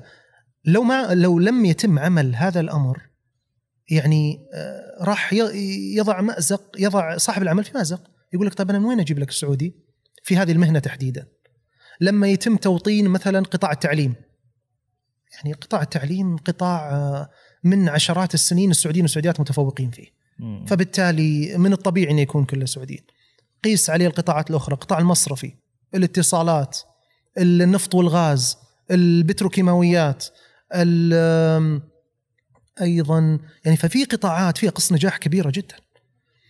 فأما المهن الأخرى تجد بناء على العرض والطلب نجي نشوف ال- ال- الباحثين عن عمل اللي موجودين. هل هذول الباحثين بمهاراتهم بمؤهلاتهم برغباتهم؟ لأن ترى عندنا تحدي كبير جدا برغبة الشخص. يمكن ما يرغب بهذه الوظيفة. فبالتالي بناء على التحديات والرغبات والمهارات الموجودة يتم اصدار القرار بنسب معينة على آه، آه، هذه الوظيفة. لكن هنا في تجربة تم تحسينها مؤخرا. يعني ترى أحد التحديات اللي نواجهها في السابق إنه كانت السعودة أو التوطين يرتكز على عدد فقط. فقط عدد. يعني حط لي هذه النسبة من السعوديين. وبرأيي إنه إنه هذا كان خطأ. وتم تصحيحه لاحقا. يعني ما ينفع إنك تطبق التوطين على معيار واحد فقط. ليش؟ صار التركيز أنت تبي سعوديين فقط عدد؟ أبشر. أحط لك أقل فئات وظيفية للسعوديين. راح أهمل الفئات اللي تعلمت تعليم اعلى يطلب راتب أعلى. فبالتالي هذه كانت مشكلة. نطاقات في مرحلته الأولى بعدين تم تداركها صار لا. أنا انسق بناء على المنطقة بناء على الوظيفة بناء على حتى مستوى الدخل. صار يتم تحديد حدود دنيا للدخل. أوه، جميل جميل. طبعا أنت قلت إنه موضوع التوطين شغف وبالنسبة لك وفي رسالة طويلة. وأنت أحد الأشياء اللي سخرت نفسك فيها إنه أنت تكون موجود ومساند إلى أن تتحقق المشن. آه، بإذن الله. بس إيش هو المشن؟ هذا اللي بفهم أنت لما تقول لي والله اليوم إحنا في مرحلة فين؟ كيف حيكون الشكل؟ الهدف- الهدف؟ الهدف؟ هدف الرؤية واضح. 7% ب 20 30 بإذن الله سيتم تحقيق هذا الهدف قبل. أبي أكون جزء بسيط من هذا الحراك. من خلال المقالات؟ من. خلال سواء مقالات من خلال عملك الحالي من خلال ال- التطوعك ترى هذه نقطة مهمة أيضا تطوعك في عمليات الإرشاد والتوجيه. مم. تجينا استفسارات كثيرة ترى على آه، وسائل التواصل الاجتماعي. وهذا اللي كنت بقول لك يعني إحنا تكلمنا عن التوطين اليوم كذا من زاوية مم. آه، كبيرة آه، والشكل الاقتصادي العام. بس اليوم أنا كخريج يعني يمكن في سؤال أبغى أشتغل ومين يلاقي وظيفة؟ أنا خريج في شهادة كويسة من جامعة كويسة وتخصصي في في في طلب في احتياج. أنا اليوم مين يلاقي وظيفة؟ أنت كيف تفسر أو تحلل ال- المعضلة هذه؟ يعني اليوم أنا كشخص ما عندي وظيفة. اولا مشكلة البطالة هي ما هي مشكلة وزارة معينة، الناس يعتقدون إن مشكلة بطالة ترى وزارة العمل سابقا أو وزارة الموارد البشرية. هي بالدرجة الأولى ترى وز... هي وزارة التعليم، أيوه يعني المخرج يجب أن يبنى على احتياج السوق. فبالتالي إذا نستمر في آه، تخريج آه، درجات علمية وأعداد لا توائم الاحتياج في السوق حتما بيكون في زيادة في العاطلين أو الباحثين عن عمل. هذا تم تداركه مؤخرا ما بين الوزارات وصار مستوى التنسيق عالي جدا. كتبت مقالة فيها عنوانها التعليم والأضلع المكسورة. التعليم والأضلع المكسورة، كنت أتكلم على الطريقة اللي يجب ان يعني ملف التعليم ملف كبير جدا، يجب أن يعالج بطريقة غير تقليدية. آه، الحراك الآن جميل جدا اللي يحدث في آه، آه، وزارة التعليم، يعني مبشر بالخير، قرار مجلس شؤون الجامعات الأخير رفع نسبة القبول في التخصصات الجديدة اللي يطلبها سوق العمل، وخفض نسبة القبول في تخصصات اللي لا يرغب فيها سوق العمل. أيضا طلب من كل منشأة تعليمية تضع نسبة الخريجين في كل تخصص، اعلن لي اللي خرجتهم وين راحوا؟ خلال كم اشتغلوا؟ هذا آه، يشجعني أنا مثلا أدخل هذه الجامعة أو تلك الجامعة إلى آخره. جميل. لا يعني يمكن هذا زي ما قلت في تكاتف خلينا نقول أكثر من جهة على تحقيق نجاح هدف معين. أم، لكن اللي يسمعنا اليوم يقول يا أخي أنا ما زلت أنا على المستوى الشخصي إيش في أشياء ممكن أسويها؟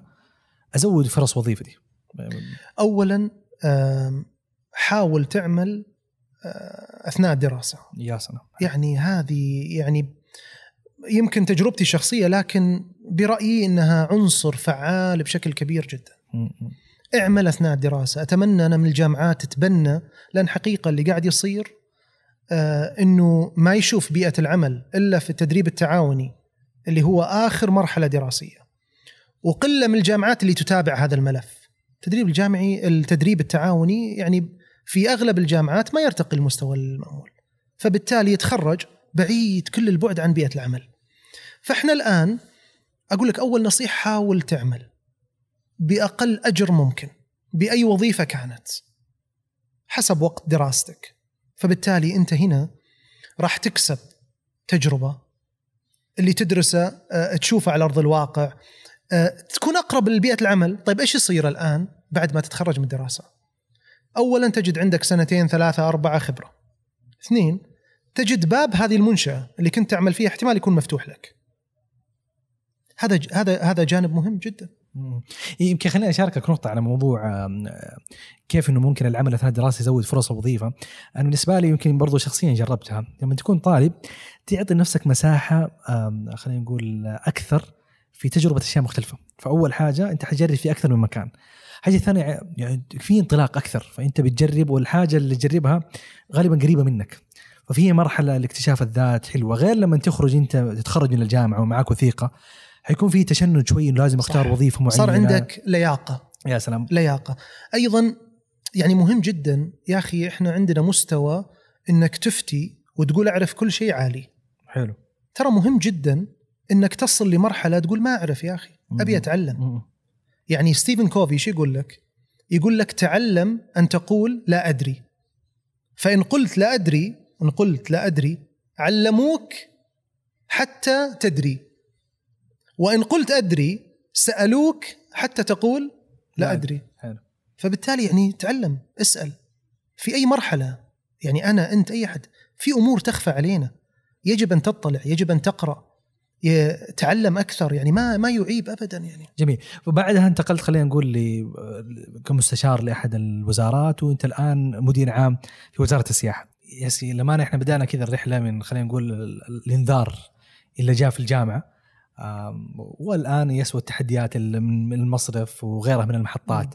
أكيد هذه التجربة الطويله شكلت عندك قناعات شكلت عندك آه، مبادئ في قصص صارت. آه، فإيش أبرز القناعات المهنية اللي تشكلت عندك في في المرحلة هذه؟ وارن بافيت أه، قال مقولة جميلة جدا. قال يحتاج المرء لعشرين سنة حتى يبني سمعة مميزة. ولخمس دقائق لتدمير هذه السمعة. فبالتالي احرص على بناء علاقات مميزة مع الناس. ولما أبني علاقة أبني علاقة بناء على ثقة بناء على قصة نجاح. أه احرص على ترفع معدل الصبر عندك في مواجهة التحديات.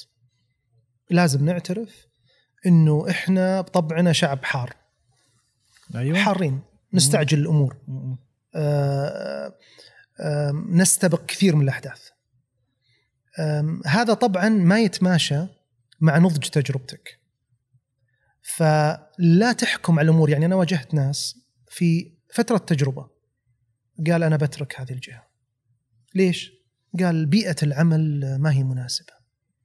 طيب أنت حديث تخرج الآن. إيش شفت بيئات عمل أخرى حتى تقرر إنه خلال ثلاث شهور بيئة العمل هذه غير مناسبة، هذا واحد. اثنين إيش يضمن لك إنه بيئة العمل الأخرى اللي بتنتقل لها مناسبة. فبالتالي سرعة إصدار الأحكام هذا يجب أن يتوقف. نضج التجربة يحتاج له وقت، أعطي نفسك الفرصة تنضج تجربتك تصبر على بعض التحديات تعلم ممن سبقوك يعني أكبر تحدي مثلا إنه ينظر لعمليات تقييم الأداء إنها عمليات شخصية أنا أحبك أحمد فبالتالي تقييمك بيصير ممتاز. أنا ما أحبك أو أنت ما تحبني بتقيمني بشكل.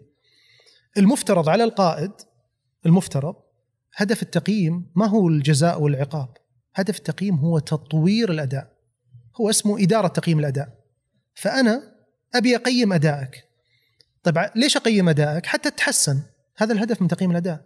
طيب كيف أقيم أدائك؟ المفترض كل فترة أجلس معك وأقول لك ترى أدائك تميز في الجوانب ضعف في الجوانب هذه القصور هذا راح أنت تقدر تحله من خلال واحد اثنين ثلاثة. وقد يكون عنده ترى تحديات كبيرة ما يشاركها. لكن بالنهاية اللي يبي يحقق شيء بيقدر يحققه. يعني آه غاندي عنده مقولة مشهورة يقول الرجل بما يفكر فيه. بما يفكر يصبح عليه. وطبعا الرجل ما المقصود فيه ذكر آه فبالتالي اللي تفكر فيه وتعزم عليه بتحققه بإذن الله. هو الرجل نتاج أفكاره ما تفكر فيه حتصبح عليه. فعمليات التنوع الخبرة تنوع الخبرة هذا مهم جدا. يعني لو كان هنالك سبب إن كنت شخص ناجح وإن كان هنالك أسباب يمكن تنوع الخبرة كان سبب. تعرف الدائرة اللي فيها نسميه إحنا التارجت في السهام. عارف هذه التارجت الدوائر الدوائر, الدوائر. اللي في النص لون اللي بعدها لون اللي بعدها لون. شكل حياتك على هذه الدائرة. تبي تنجح؟ شكل حياتك على هذه الدائرة. كيف؟ أنت المركز أنت الهدف اللي في النص. من هم الناس المحيطين فيك؟ هذه مش شو اسمه من هم الناس المحيطين فيك بالدرجة الأولى؟ هذول اللي 80% من مستقبلك يحددونه. هذول الناس الدائرة الأولى المحيطة فيك اللي هي يوميا تتواصل معك يوميا تؤثر في قراراتك يوميا تحتك فيها. هذه الآن لازم تنتقيها بعناية. لازم. أعرف إنه بتقول لي طيب هذا يقرب لي يعني كيف أنا وش أسوي فيه يعني؟ لا يعني أنت ممكن تخفف عملية التواصل أو الالتزام. هذول مين هم؟ إيش صفات الناس اللي في الدائرة الأولى؟ اللي حولك المؤمنين فيك الإيجابيين. آه، ممكن اللي يسعدوك. هذا نوعية أو مواصفات الأشخاص اللي يجب يكونون دائرة الأبعد هم اللي يكونون أقل بهذه الفئات تتواصل معهم فترات أقل. لكن 80% من مستقبلك محدد من خلال هذه الفئة. جميل. فهذه هذه بعض التجارب وأنت تكلمت عن موضوع التحديات وغالبا دروس هذه أصلا تجي من من تحديات أو من قصص ومن تجارب ويمكن تكلمنا عن الموقف اللي مرت به آه لما كنت مستشار لأحد الوزارات والوالد حصل له ظرف شخصي. أتخيل إنه في برضو تحديات أو ممكن تسمى إخفاقات ممكن تسمى يعني لحظات صعبة. مهم جدا يكون جزء من حياتك في عملية التطوع. حقيقة هذه يعني تعلمتها آه، من أستاذي عراب التطوع نجيب الزامل الله يرحمه. يعني آه، تشرفت والله بالعمل معاه فترة آه، قبل وفاته فترة طويلة. ولمست أثر التطوع على حياتك. العطاء على حياتك. العطاء له قيمة عالية ترى. العطاء له قيمة عالية. فحاول اعكسه بساعات عمل تطوعية في مجالي أنا.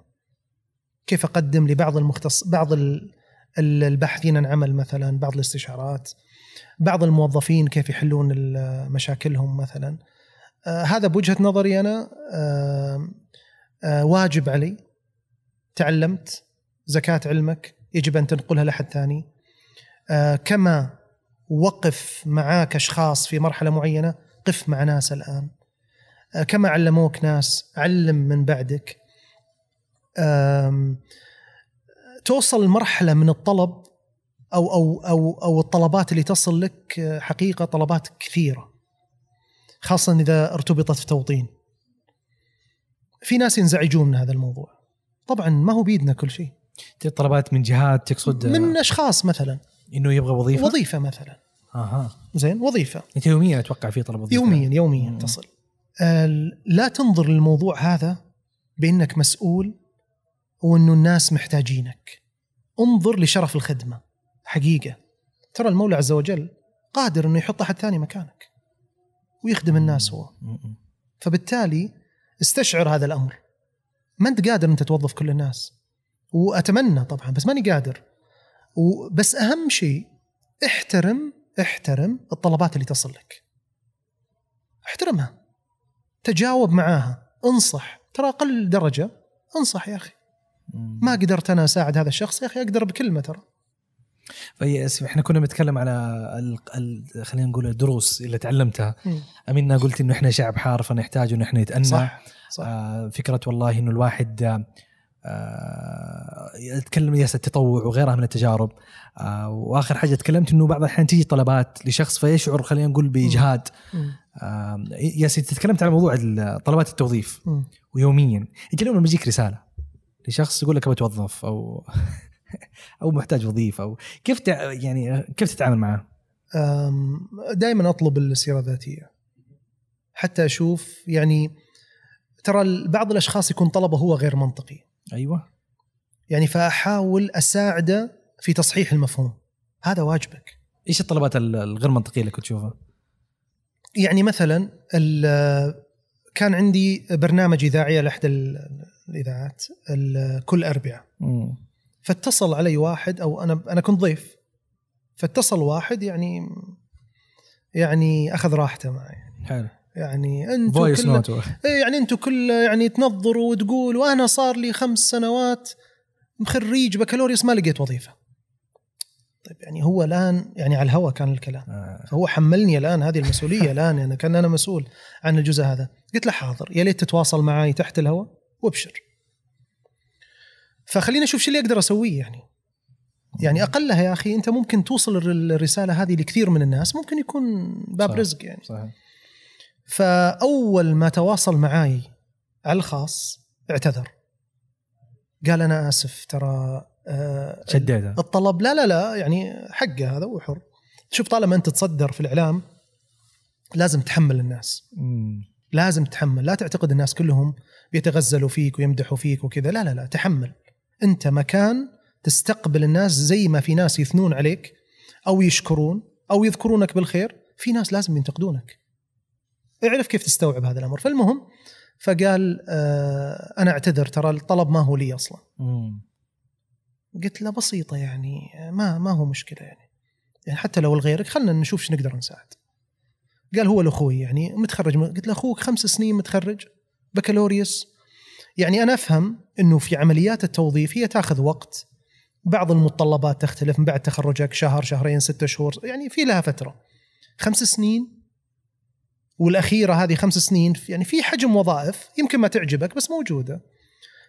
قلت له هل أنتم ساكنين في قرية معينة مثلا؟ فبالتالي عدد الوظائف ما ما في يعني. قال لا لا لا لا لا, لا ما إحنا في قرية إحنا في الرياض. أوه. قلت له في الرياض وخمس سنين وبكالوريوس تبحث عن عمل. قلت يمكن يعني أخوك متشرط شيء يعني كذا.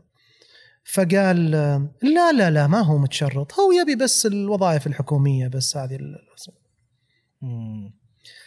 هنا الآن دورك أنت كمختص تحاول تصحح هذا المفهوم. يعني لا يمكن بأي حال من الأحوال أنه شخص على الأقل رجل مثلا إيش قاعد تسوي في الخمس سنوات هذه؟ في شخص قاعد يصرف عليك. وأنت عندك درجة علمية ممكن تعمل أي شيء يا أخي. في سبيل إنك تتعلم. فبالتالي هذا يكون باب للدخول في وظائف أخرى. هذا اللي الآن آه، يعني عرفت يزعلك في كثير من الأمور لكن نفس الوقت هذا أمر طبيعي ولازم تتعامل معه واجب عليك في تصحيح هذه المفاهيم. فأنت تقول لي في طلبات وبعضها طلبات غير منطقية. إيه يعني في طلبات. وفي مفاهيم دائما أنت اليوم من كل طلب تلقى في مفهوم لازم, لازم. مغلوط. لازم يعني واحد مثلا في ثلاث شهور يبي يترقى مثلا. أيوه. يعني في سنة لازم أروح للمكان اللي بعده. طب جميل الطموح لا بس لازم الطموح يكون مرتبط بالواقع شوية. المسار المهني آه، ترى آه، يعني أمر جميل جدا يكون عندنا مسار مهني لكن لازم تعرف إنه عشان أوصل هناك أنا لو بنتقل من مدينة لمدينة إيش أحتاج؟ أحتاج وسيلة نقل، أحتاج وقود معين، أحتاج مادة لبعض المصاريف مثلا إلى آخره. طب أنت عشان تنتقل من نقطة إلى نقطة ترى محتاج أشياء معينة. محتاج وقت، محتاج تأهيل معين، محتاج آه، مثلا تدوير وظيفي معين حتى تلم، محتاج مهارات تكتسبها، جدارات تكتسبها إلى آخره. نرجع للكلمة اللي قلناها قبل شوي سرعة إصدار الأحكام. أنا ارى في نفسي أو الشخص نفسه أنا لا لا قادر كذا. طب على أي أساس حكمت؟ اللي غيري اللي جنبي توظف أترقى هل بالضرورة زي بعض؟ ما هو بالضرورة. زي ما في غيرك يبحث إلى الآن عن عمل. زي ما في غيرك أقل منك وما حصل الفرصة هذه. زي ما في غيرك مثلا ما أخذ التقييم اللي أنت أخذته. عملية المقارنات أنا أظنها بوابة ل آه، بوابة لإزعاج كبير جدا. ما في فائدة ابدا من أي مقارنات. ما في فائدة ابدا من أي مقارنات. طموح مشروع حقك. لكن الطموح لازم يواكبه على الجانب الثاني عمل. قبل ما تفكر تطمح في الزاوية هذه أو الوجهة هذه فكر إيش سويت أنا مقابلها. وأنا أعرف في ناس بيقول لك أنا سويت واحد اثنين ثلاثة أربعة خمسة لكن ما وصلت. بالنهاية ترى آه، التوظيف ترى هرمي الشكل. يعني كل منشأة فيها قائد واحد. صح؟ وفي اثنين ثلاثة تحته وخمسة عشرة عشرين فدائما ال- القاعدة الأكبر من الوظائف هي في أقل شريحة ومن ثم تقل تقل تقل. يعني ما راح يكونوا كل الناس هم من يقودون هذه المنشأة. جميل. فأنت أول حاجة قلت إنه آه، الجميل فيك إنك قاعد تاخذ من العبارات وتسوي. يعني جميل 70 والله. حلقة. جميل والله لا. لا والله بالعكس مم. لا لا جميل. الله يعطيك العافية. إحنا الفكرة إنه اول أول قصة كانت ال- شخص كان في باله فقط وظيفة حكومية فأنت لا. اليوم عندك طيف واسع من الوظائف قطاع خاص وقطاع حكومي الان في برضه قطاع ثالث. فتقيد نفسك بوظيفة محددة أو تعريف التوظيف عنده هو ظاهر تعريف واحد. إيه. فقيد أو ضيق واسع. صح. يمكن القصة الثانية وعلى الأقل مؤقت ترى. يعني يس. اقبل اقبل بشكل مؤقت. بتجد الأمور تنفتح لك لأنك بتكتسب خبرة مم. بتكتسب علاقة. بتكتسب منظور ثاني يعني. صحيح والقصة الثانية قلت موضوع الطموح المنطقي إنه كيف اليوم الواحد بعض الأحيان يكون عنده طموح زايد فكيف يضبطه ويكون واقعي أكثر بس وأتوقع الاتصالات والاستشارات كثيرة برضو تشوف خلينا نقول في خلينا أبرز ال- ال- القضايا اللي توار يعني تجيك بشكل مستمر آه من أي ناحية يعني؟ أسئلة اشكالات ناس سواء ناس بتتوظف سواء في اتصالات تجي. ال ال يعني شوف التركيز ال- التركيز على الوظائف الحكومية مم. يعني آه، مبالغ فيه. ما هو حق يعني أنا أسمع البعض إنه إنه أنت اليوم تخرجت أحد حقوقك آه، كمواطن. أنه تاخذ وظيفة حكومية. لا لا مو صحيح مو صحيح.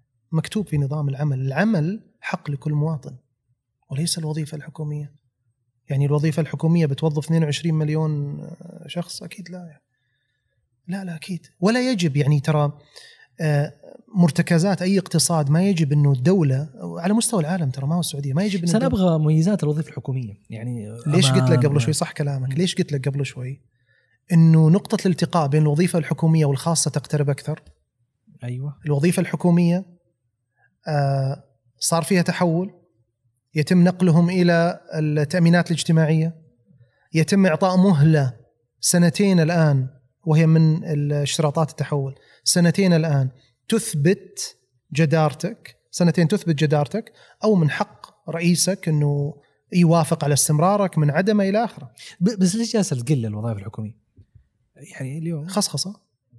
الخصخصة فبالتالي تقلل من الوظائف هذه لكن بنفس الوقت في اتساع كبير جدا في وظائف القطاع الخاص. يعني خلينا نعطيك رقم. عدد من توظفوا أو عدد من يعملون في القطاع الخاص الآن إحنا نتكلم تجاوزوا 2 مليون و300 سعوديين فقط. هذا رقم في التاريخ سوق العمل السعودي لم لم يتم الوصول له. فبالتالي إنه في فرص. القطاع الخاص قاعد يتنظم أكثر فالمفترض إنه آه، يقرب الفجوة اللي ما بين ليش. الناس ما زالت مصرة على الفرص الوظيفية والحكوميه؟ وطالما الواحد ما هو موظف حكومي ما ما يحسبها يرون إنه في أمان وظيفي مستوى الأمان الوظيفي يصير فيها عالي. إنه أنا ما أنفصل ابدا هذا بالفعل صحيح مع التحول مع التحول الآن الميزة هذه ما هي موجودة لأن الأمان بعد الله بي- بيدك أنت بمهاراتك بخبراتك بعملك بإنتاجيتك هو اللي يفصل يعني تأكد إنه الموظف المميز المنشأة أو صاحب العمل سواء حكومة ولا خاص هو اللي بيحرص عليه. مش العكس. مش العكس يعني. ففي فرق يعني وزي ما قلت كل ما لا جالسة تتقارب القطاع الحكومي يعني والقطاع الخاص. أعتقد سنتين ثلاثة بتجد فجوة لا تذكر يمكن. م-م. أنت تكلمت على التوظيف والتوطين وأنا دحين بحاول أفهم الفرق بينهم شوية. لا توطين؟ تو- توظيف بشكل عام. أيوة. إنه أي احد يمارس عمل سعودي غير سعودي توطين للمواطن آه جميل. التوظيف يش- يشمل كل ال... كل كل الفئات. توطين وتدريب. إي- إيش هو التدريب؟ هل هو التدريب هو جزء منه تأهيل؟ فين فين تبدأ؟ خلينا نقول ال- جزئية التدريب. طبعا الآن في لما نتكلم على مخرجات التعليم. مخرجات التعليم الآن المفترض بعد القرارات الأخيرة يصير في على المدى القريب أو المتوسط تتحسن أو تكون موائمتها مع سوق العمل عالية. طب إيش نسوي في اللي تخصصه ما هو مطلوب الآن؟ يترك؟ أكيد لا.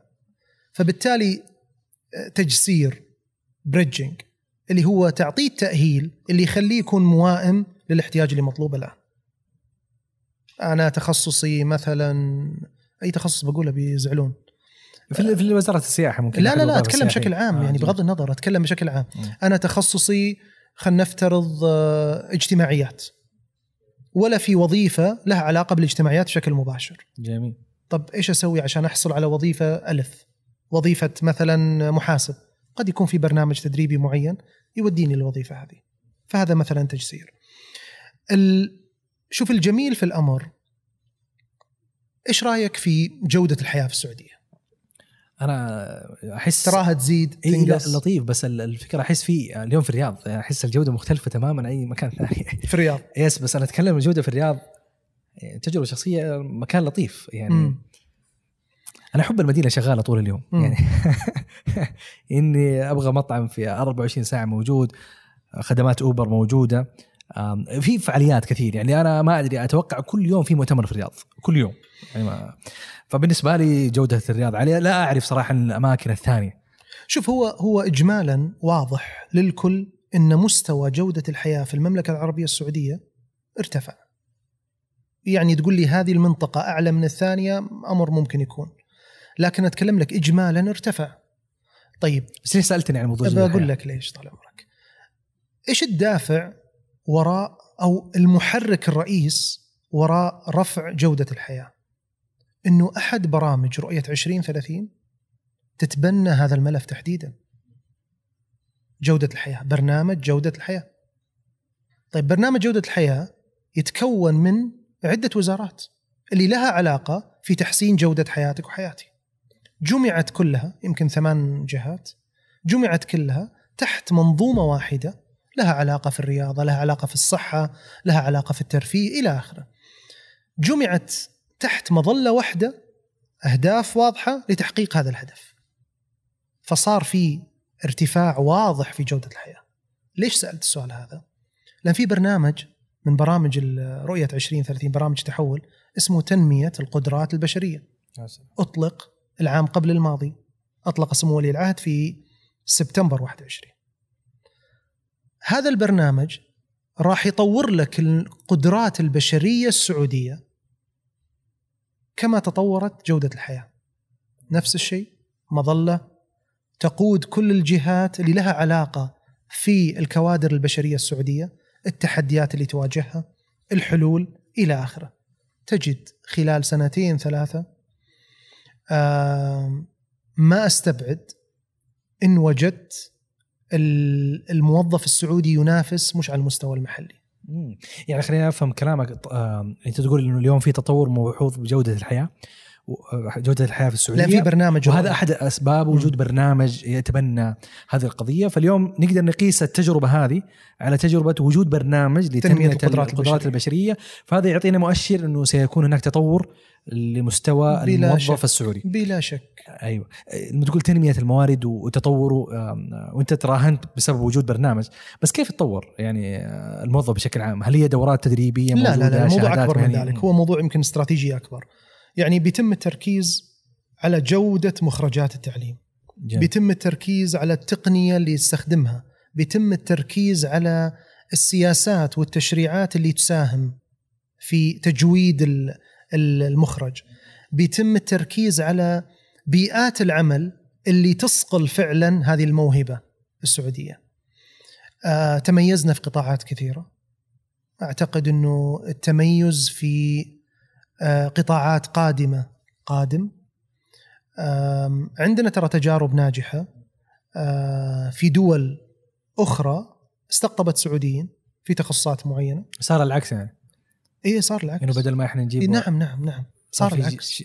ارجع ارجع لل ال ال ال ال الثلاثة نقاط اللي ذكرتها لدخول غير السعودي. مم.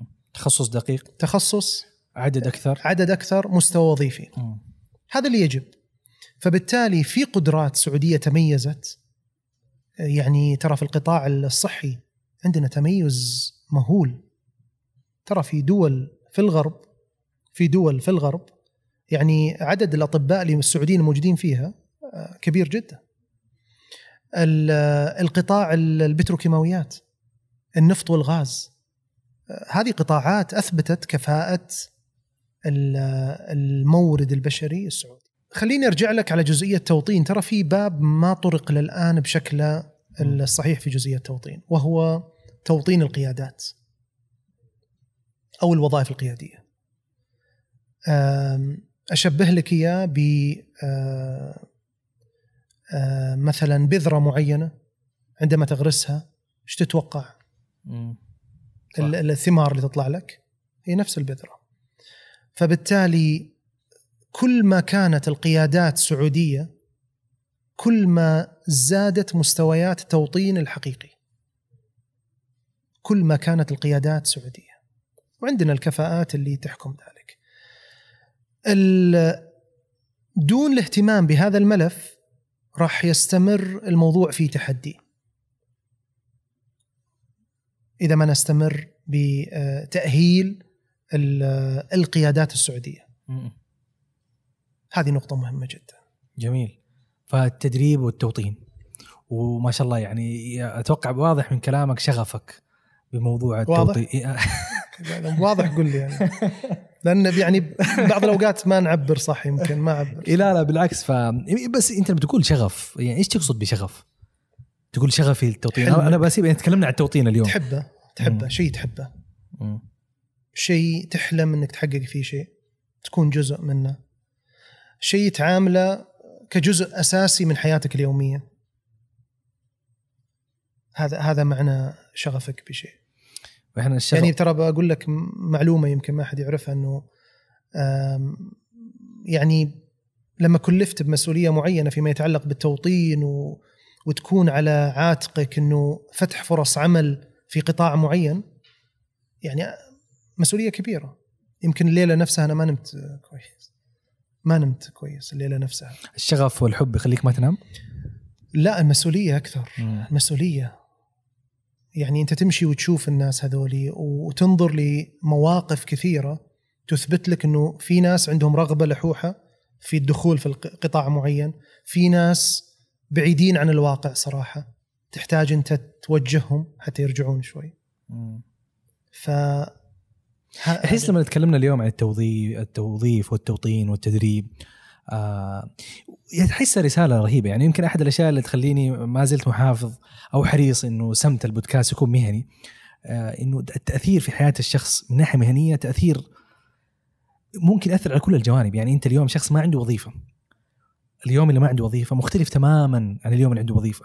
شخص ما عنده تدريب معين ما عنده رؤية أو اكتشاف لمساره. شفت المعلم كيف؟ مم. شفت المعلم بعد 30 سنة يشوفونه طلاب ويقول له شكرا واذا ما كان جلدهم من قبل طبعا.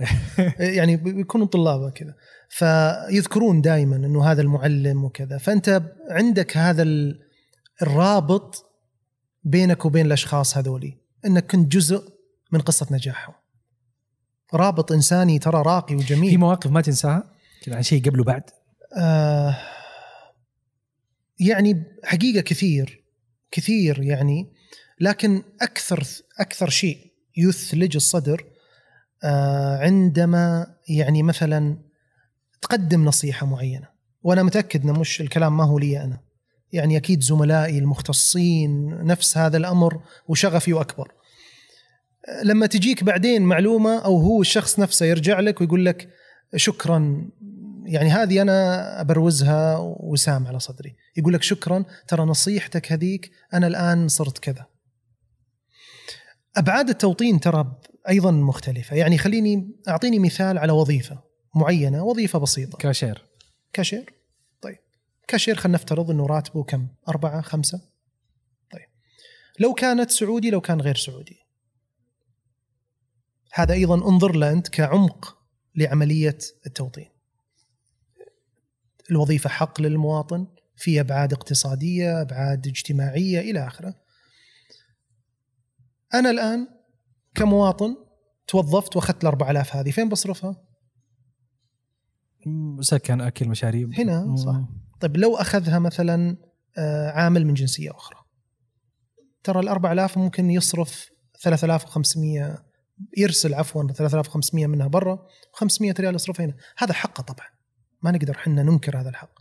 لكن شايف الفرق؟ ما هو بس أوفر وظيفة. يعني أدعم أيضا اقتصاد. يعني ترى في الساعة اللي إحنا الآن نتحاور فيها في الساعة الواحدة 15 مليون ريال سعودي يطلع برا. في الساعة الواحدة. حوالات الوافدين. هذا حقهم طبعا.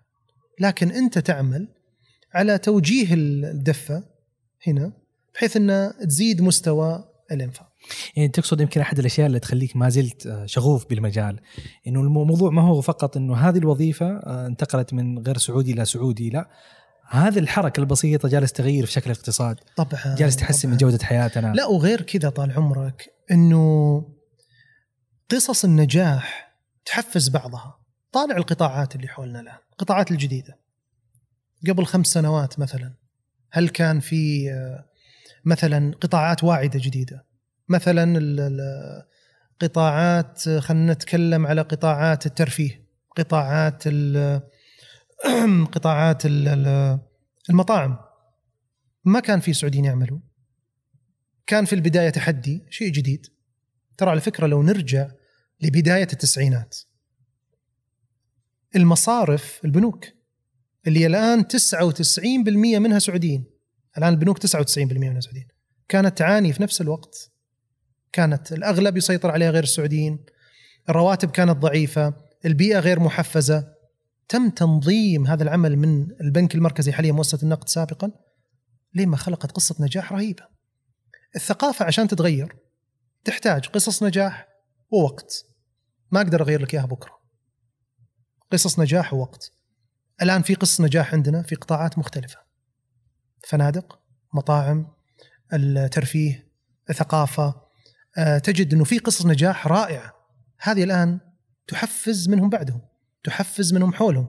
إنه في أحد فعلا ينجح وقادر يتميز. فبالتالي فرصة للبقية.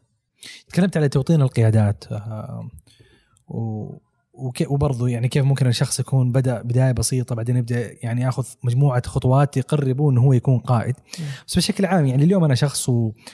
ولا حلمي أكون مثلا أنت اليوم ما شاء الله جالس تساهم آه، وتقود ملف التوطين في أحد الوزارات و... وجالس يعني تشوف التأثير خلينا نقول وقربك من هدف معين وتشعر بمسؤولية معينة. آه هذا الحس القيادي آه، للامانه مغري لكثير من الشباب انه هو يكون قريب من هذا المنصب. فكيف؟ يعني أقدر آخذ خطوات مهنية معينة تقربني أن أكون قائد وأساعد في آه، الوصول لأحد الأهداف الكبيرة بالنسبة لي. يعني يجب أن يكون اولا اطلاعك على آه، أهداف رؤية المملكة كبير. جميل. لازم تكون مطلع. اثنين ارجع للدائرة اللي قلت لك إياها. منهم الدائرة المحيطة فيك؟ مهم. من هي الدائرة اللي ممكن من خلالها تكتسب بعض الخبرات تتعلم منها. هذه ترى نقطة مهمة جدا. المستوى التدريب ال- اللي تحصل عليه ترى الأسبوع الماضي أنا مسجل برنامج تدريبي لي أنا الآن 23 سنة. نتدرب يا عمي. دورة في إيش اخذتها؟ للحين ما أخذنا سجلنا يقبلونا يمكن ما يقبلونا. ترى عادي يعني. يعني ما هو يمكن ما يقبلوك. يعني ما هي مشكلة. يعني أنتم إلى الآن تتدربوا. طبعا طبعا طبعا. ما يتوقف لين تتوقف عن لك الحياة. 20 23 سنة. ما ما. إذا توقفت عن الحياة توقف عن التدريب. لأن ما زلت أنت طالب في مدرسة الحياة راح تستمر تتعلم أشياء كثيرة. أنت قلت رقم واحد الاطلاع. آه، لازم يعرف. الأهداف الموجودة. لازم تقترب من المشهد. لازم تتدرب أكثر. لازم تل يعني ترفع من مستوى آه ذكائك العاطفي. لازم حسن استماعك تحملك للضغوطات استيعابك للأحداث. وهذا أمر ترى مكتسب مش كله يعني آه، يعني ممكن تطوره. وفي ناس ما شاء الله من صغر سن تجد عند ال ال ال هذه ال- الخصلة. ف تتكلم على الأشياء اللي تساعد الشخص إنه يكون قائد نعم، واحد نعم. يطلع نعم. ممكن يطلع يساعدك إنه أنت فين فين التحدي اللي أنت حتعيشه. أيضا لا تعتقد إنك قائد بتحط رجل على رجل. مم. قائد لازم تفهم إنك أنت تشمر عن ذراعك وتشتغل مع التيم أو مع فريقك. هذا جزء من القيادة. جزء من القيادة إنك تكون قريب منهم شخصيا مم. شخصيا. اعرف مشاكله اعرف تحديات اللي يواجهها على المستوى حتى الشخصي. ترى هذا يقربك منه. حاول تكون داعم. ترى أنت ما أنت باقي على نفس الكرسي. ما أنت باقي. ادعم بما تستطيع. خاصة في أمور التعليم التدريب. ادعم ادعم الفئات هذه. ادعمهم. كل ما زادت مسؤوليتك لازم تعرف لازم يكون عندك استعداد للتضحية بشكل أكبر. لازم يكون عندك استعداد تضحية بشكل أكبر. هنا الآن أنت قريب من المشهد هذا. انت ولفتني موضوع التدريب للقيادات إنه ما زال الواحد يمكن كل ما يكبر كل ما يحتاج تدريب. ودائما التدريب هو يساعدك تروح لل- للنقطة اللي بعدها. هذه من London Business School أيوة. العام الماضي تخرجنا. وأعطونا إياها ترى. جميل. معتز. يمكن أحد الأشياء اللي كنت بسألك عنها في يعني يمكن هذا جزء من رحلتك في موضوع التطوير والتدريب. الشخصي وهي مسؤولية زي ما قلت هي مسؤولية شخصية في الأول والأخير. أنت يمكن يجي السؤال أصلا إيش كان في احتياج؟ إنه أنت كنت تأخذ يعني تأخذ يكون جزء من تجربتك انتبه انتبه يتسلل إلى نفسك هذا السؤال. عرفت؟ إيش محتاج أنا؟ أنا مدير وخلاص يكفي وكذا. لا لا لا. اولا آه، ممارسة الأعمال كتطبيقات على مستوى العالم تتطور. التحديات اللي تواجهك مع مرور الوقت تختلف. كيف تتعاطى معاها يعني هل تعتقد إنه المشاكل قبل الكورونا غير بعد الكورونا؟ أكيد غير. هل طريقة الحل هناك غير هنا؟ طبعا غير. ففي ممارسات تتعلمها من ناس سبقوك، من آه، دول لديهم تجارب أكثر ثراء، من آه، قيادات قبلك. يعني آه، أعطيك مثلا آه، لمحة بسيطة من برنامج تدريبي حضرته. هو بشكل عام برنامج كم مدته؟ برنامج مدته سنة لكن أسبوعين بعدين عن بعد بعدين أسبوعين. ومخصص للقاده طبعا هو الاعلى تصنيفا يعني. طبعا معتادين إنه كل يوم أو يومين يجينا محاضر المحاضر عن ال- المالية مثلا محاضر عن التخطيط الاستراتيجي محاضر عن هذه المواضيع اللي تهم القيادة. فدخل علينا في في القاعة وجه مألوف. يعني. أنا أنا شايف الوجه هذا يعني بس هو من الدولة نفسها من لندن يعني. من نفس أهل المنطقة يعني. فلما سألناه مين قالوا هذا ممثل. ممثل. لكن يعني ما هو مشهور جدا بس يعني يظهر بعض الأدوار. فسألناه قلنا له ليش أنت جاي يعني؟ ممثل يعني خلاص. فقال أنا جاي أعلمك كيف تسرد قصصك. آه الم- الممثل هو بيقدم آه، بيحاضر. أعلمكم كيف تسردوا القصص لموظفينكم بحيث إنه يؤمنوا بالحلم اللي انت شغال عليه بالهدف اللي انت شغال عليه. كيف تحفزهم؟ وأيضا حتى لرؤسائك. شوف كيف وصل يعني قبل سنتين ما أعرف المعلومة هذه. وأكيد بعد سنتين بجهل معلومة ثانية. إيش الحل؟ استمر.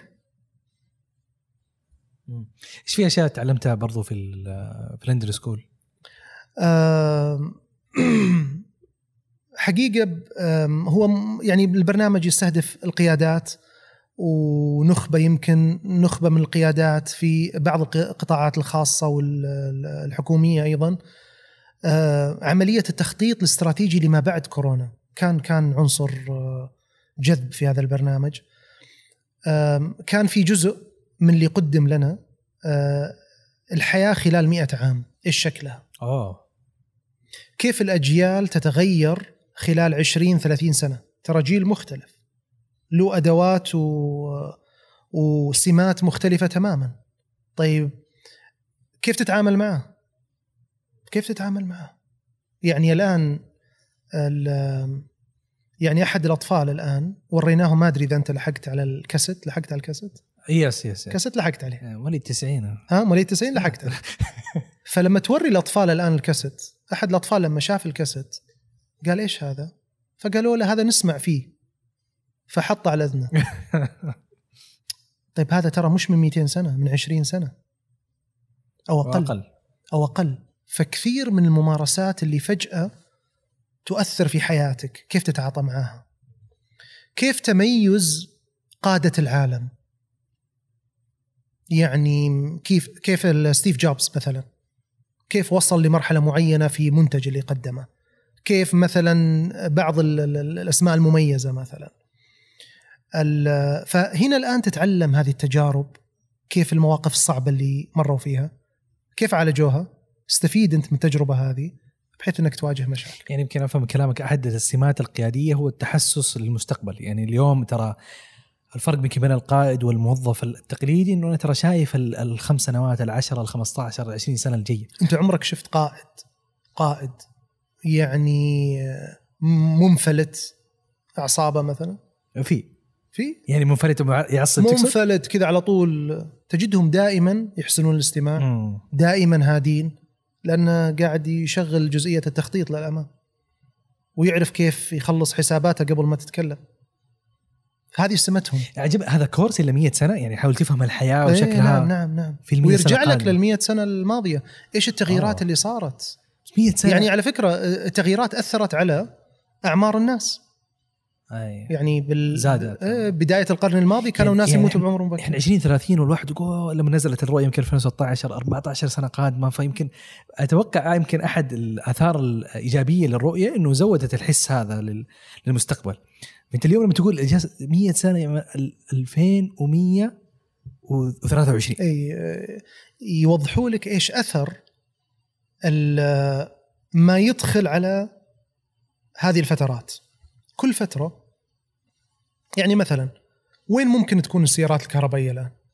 كيف تفتح مداركك إنك تفكر شوية أبعد من ذلك؟ مم. يعني الآن في سيارات كهرباء تعمل جزء خليط أو هجين يسموها وجزء كهربائية طيب وين ممكن يروح الموضوع طيب إيش آثار هذا التوجه بيأثر على إيش؟ له تأثير مثلا على الوقود تقليدي نعم. طيب إيش اثار ذلك مثلا؟ إذا في تحدي كيف تعالجه؟ كيف تنظر الأمور من زوايا تماما مختلفة مع مرور الوقت. طب يعني خليني أفهم قيس قيس اعطيك أعطيك شيء جميل. يعني لما اطلعنا على المئة سنة مثلا أيوه. تعرف إنه فترة المراهقة هذه فترة جديدة؟ أي ما كانت موجودة. ما كانت موجودة. كل ما نزلت تكبر كمان. أه، ها؟ يعني كل ما نزل تزيد يعني يعني كان عاد- 16 إلى واحد. يعني, يعني على حسب مزاج الشخص. بس أنا أتكلم إنه ترى بالخمسينات والستينات والأربعينات ما كان في شيء اسمه فترة مراهقة. طفولة شباب. طفولة البنت صغيرة تتزوج الطفل رجال. توظف. فترة المراهقة في في ال العقود الأخيرة من القرن الماضي. صار في منتجات خاصة لفترة المراهقة واستهداف خاص لهم فطلعوا شريحة كاملة أقدر يعني آه، أستهدفهم بكثير من الأمور. صحيح. فهذا ما تعرفه يعني لما ترجع مثلا للأربعينات مثلا أو ما قبل ذلك كانوا الناس يموتون في سن مبكر. يموتون في سن مبكر. صح. يعني تنتهي حياته العملية بالأربعينات من عمره. تنتهي خلاص. كان مستوى العلاج آه، والتأمين الطبي ضعيف جدا. كان مستوى الأتمتة معدوم تماما فالجهد عفوا. فالآن يرتفع المعدل هذا بإذن الله بسبب جودة وعلى مستوى العالم طبعا مرتفع. هل آه، تقدر تتخيل شكل سوق العمل بعد 100 سنة؟ أو ملامح أو؟ كثير 100 سنة. أتخيل لك يا كثير يعني 100 سنة لكن أقدر أتخيل لك يعني خلال السنوات القادمة يعني شفت شلون؟ أنا إيش قلت لك؟ قلت لك كثير عشان أتخيل لك. لا أدري. عادي جدا تقول لا أدري. فال لكن خلال السنوات القادمة واضح إنه الأتمتة بتلعب دور رهيب جدا في تغيير الوظائف وما نخاف من هذا الموضوع. يعني التوقع الأول إن التقنية تخفي الوظيفة يعني كنت في أحد مطاعم ال- الرياض وكان في روبوت هو يوصل الطلب. هو يوصل لي الطلب. فصورته وأرسلته لأحد المسؤولين فانزعج تماما. إنه يعني إحنا مستهدفين في تقديم هذا إنه مثلا ممكن يكون شبابنا وبناتنا. الآن روبوت راحت الوظائف. أنا نظرت لها فرصة كبيرة فرصة عظيمة جدا. أنا كنت بوظف الناس هنا كمقدمين. الآن بوظفهم كمبرمجين كمطورين لهذا الجهاز كفني صيانة لهذا الجهاز. بتكون الوظائف لائقة أكثر بتكون الوظائف مريحة بتكون دخلها أعلى. فبالتالي التقنية راح تقدم راح يعني ثورة كبيرة في عالم ال- يعني يمكن أكثر من 60% من الوظائف الحالية ما راح تشوفها. خلال عشر سنوات ترى مش 100 سنة عشر سنوات. ال- راح تشوف مرونة كبيرة جدا في ممارسة الأعمال. مرونة خيالية. إنه أنت بتمارس أعمالك يمكن يكون أقل جزء فيها نروح المكتب. أقل جزء. بتقدر تمارسها من آه، التقنية اللي بيدك. المستوى الإنتاجية بيتم قياسها بشكل مختلف تماما. ف راح يكون التعامل مع الوظيفة أو العمل بشكل عام كجزء من حياتك الجميلة جزء من حياتك زي ما تستمتع بالنادي ولا زي ما تستمتع كذا أنا أمارس هذا الشيء كذا اراه كذا بعد عشر سنين أو أقل طب كيف تشوف حياتك ال- ال- المهنية الشخصية بعد عشر سنوات؟ كيف تتخيل شكل يومك؟ شكل دوامك؟ شكل عملك؟ آه مرة محرج ترى السؤال هذا لكن آه خليني أقول لك ممكن تكون آه، متقاعد؟ طبعا أكيد بكون متقاعد يعني إذا ما أكيد, أكيد يعني لابد توصل مرحلة تقف عن العمل يعني إيه. لكن أتمنى صراحة إنه ما أقف عن العمل إلا لما يتحقق هدف خفض البطالة. هذا أمنية حياتي. أكون سبب يعني من ضمن المئات الآلاف اللي يعملون أكون سبب فيه. وهذا باقي له ثمان سنين إن شاء الله يتحقق أو أقل فبإذن الله أكون موجود لذاك الوقت ونحققه. بس, بس ليش ليش يعني هو الهدف إن شاء الله حيصير يعني بس ليش. حريص إنه أنت تكون جزء منه؟ ما هو شغف مم. ما تقدر تعتب على الناس في شغفهم ما تقدر تقول ليش أنت شغوف بالشيء هذا آه، حاب أحقق حاب أكون جزء ويمكن ويمكن إنه لأن هذا أفضل ما عندك يمكن أفضل ما تملكه تقدمه للشخص آه، خبرتك وعلمك في هذا الجانب. فبالتالي تتمنى إنك تساهم في خدمة بلدك في أفضل ما تملك. يمكن هذا يجاوب على لا إحنا كنا تكلمنا عن يعني عن الشغف وحبك للمجال. بس قبل الحلقة حسيت إنه الحب قيمة أساسية بالنسبة لك.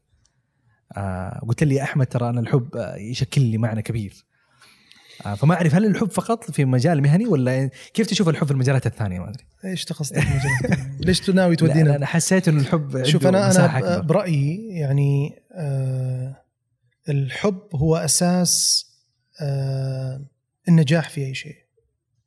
حبك لمهنتك هو اللي يخليك تتميز. حبك لعائلتك هو اللي يعطيك قدرة على العطاء. فالحب ال- آه، أنا أظن هو الدافع الرئيسي للنجاح في أي شيء آه، لكن إن كنت تقصد على يعني شوف جبران خليل جبران يقول بين منطوق لم يقصد ومقصود لم ينطق تضيع الكثير من المحبة. يعني يعني إحنا ما نتواصل مع بعض بالشكل الصحيح. فبالتالي تضيع كثير من المشاعر. آه هذا على مستوى العمل وكيف دافعه، أما إن كنت تقول الحب العاطفي بين الرجل والمرأة يعني ب...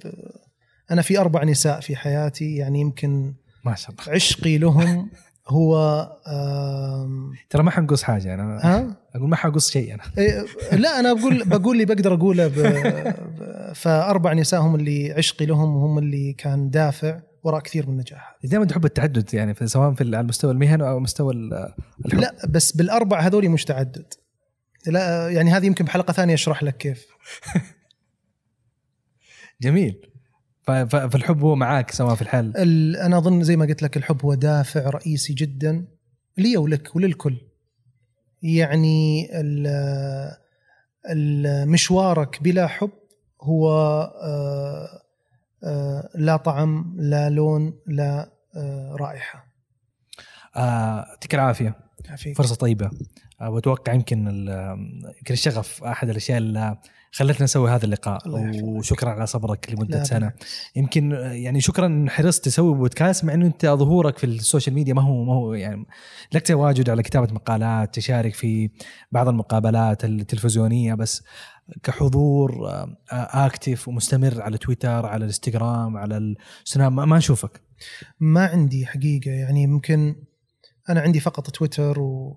و LinkedIn فقط هم اللي أنا أتواصل وعندي تحفظ كبير يعني على الظهور. آه، يعني الآن الناس مثلا أنا عارف إنه وتجي مطالبات كثيرة سناب ليش ما تكون موجود؟ آه، ويستغربون يعتقدون اني مثلا أكذب يعني لما أقول ما عندي ترى ما عندي ما عندي. لا خاص لا عام ما عندي. آه، يعني ما أشوف السنابات حقت ال- ال influencer وال models وال... شوف يعني هذه الآن طيب بق- بقول لك شيء. هذه الآن اللي أنت قلتها هي جزء من آه، تحفظي. ليش؟ انت الآن حتى لو ما عندك سناب حتشوفها ولا لا؟ حتجيك آه، إذا شيء مهم. فبالتالي يعني ليش مشغل نفسك؟ وفاتح لك أربع منصات هذا واحد. اثنين يجب أن تحترم أنا أتكلم عن نفسي. أنا يعني لازم أحترم الناس اللي يتابعون. تحترمهم بمادة تقدمها. أما الظهور لمجرد الظهور يعني ما ألقى نفسي فيه. والأهم ترى ترى ال social media خداعة. ترى فيها يعني يعطيك مثال بسيط. ترى لو كل واحد ممن يستمعون لنا الآن يدخل على جهازه ويشوف كم ساعة استخدم فيها تطبيق ألف ولا باء. سناب شات تيك توك كم ساعة؟ قد تصعق من الأرقام. خمس ساعات ست ساعات يوميا. طيب إيش المحتوى اللي أنا قاعد اتابعه كل يوم خمس ست ساعات؟ وكيف يمكن يؤثر في حياتي؟ عندي أشياء أهم. هذا واحد. احترامك للم... وثانيا فيها صبغة فيها صبغة خادعة صراحة. يعني الناس لما يطلعوا على الميديا يطلعوا بأفضل صورة ممكنة. مثالية جدا. أنا وأنت نطلع ابتسامة جميلة و... طيب ما هو خلف الكواليس؟ مختلف. لما أطلع أوثق وأصور نعمة معينة المولى عز وجل حباك فيها مثلا. ال- الابرازها بهذا الشكل طيب كم منهم محروم؟ كيف هو ينظر لهذا الجزء؟ كيف ينظر هو لهذا الجزء؟ وأثره عليه هو. ترى في كثير من الناس وأنا وأنا يعني طلعت على عدة أمور. دراسات تثبت آه، ارتفاع مستوى اكتئاب آه، بعض ال- الانفصالات اللي تصير أو أو الجوانب الاجتماعية الصعبة.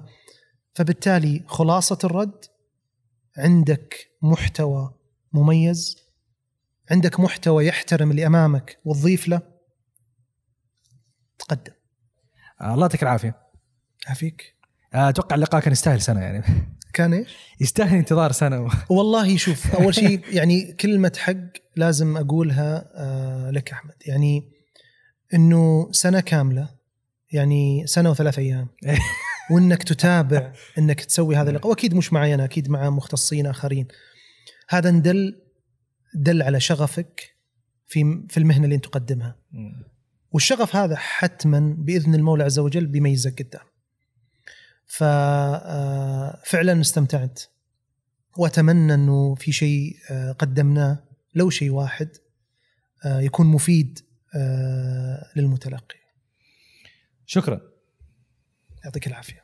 شكرا لكم مستمعينا ومشاهدينا من كل مكان. الآن لو عندك ساعة إضافية من وقتك أنصحك الاستماع لحلقة المهندس أحمد الغامدي اللي أتكلم فيها عن تخصص الهندسة الصناعية وشاركنا آه، رحلة الموظف آه، أو المرشح من بداية آه، خلينا نقول تسجيله لنموذج التوظيف في CC ومرورا بالمقابلة الوظيفية وبداية رحلته اول سنتين في هذه الشركة.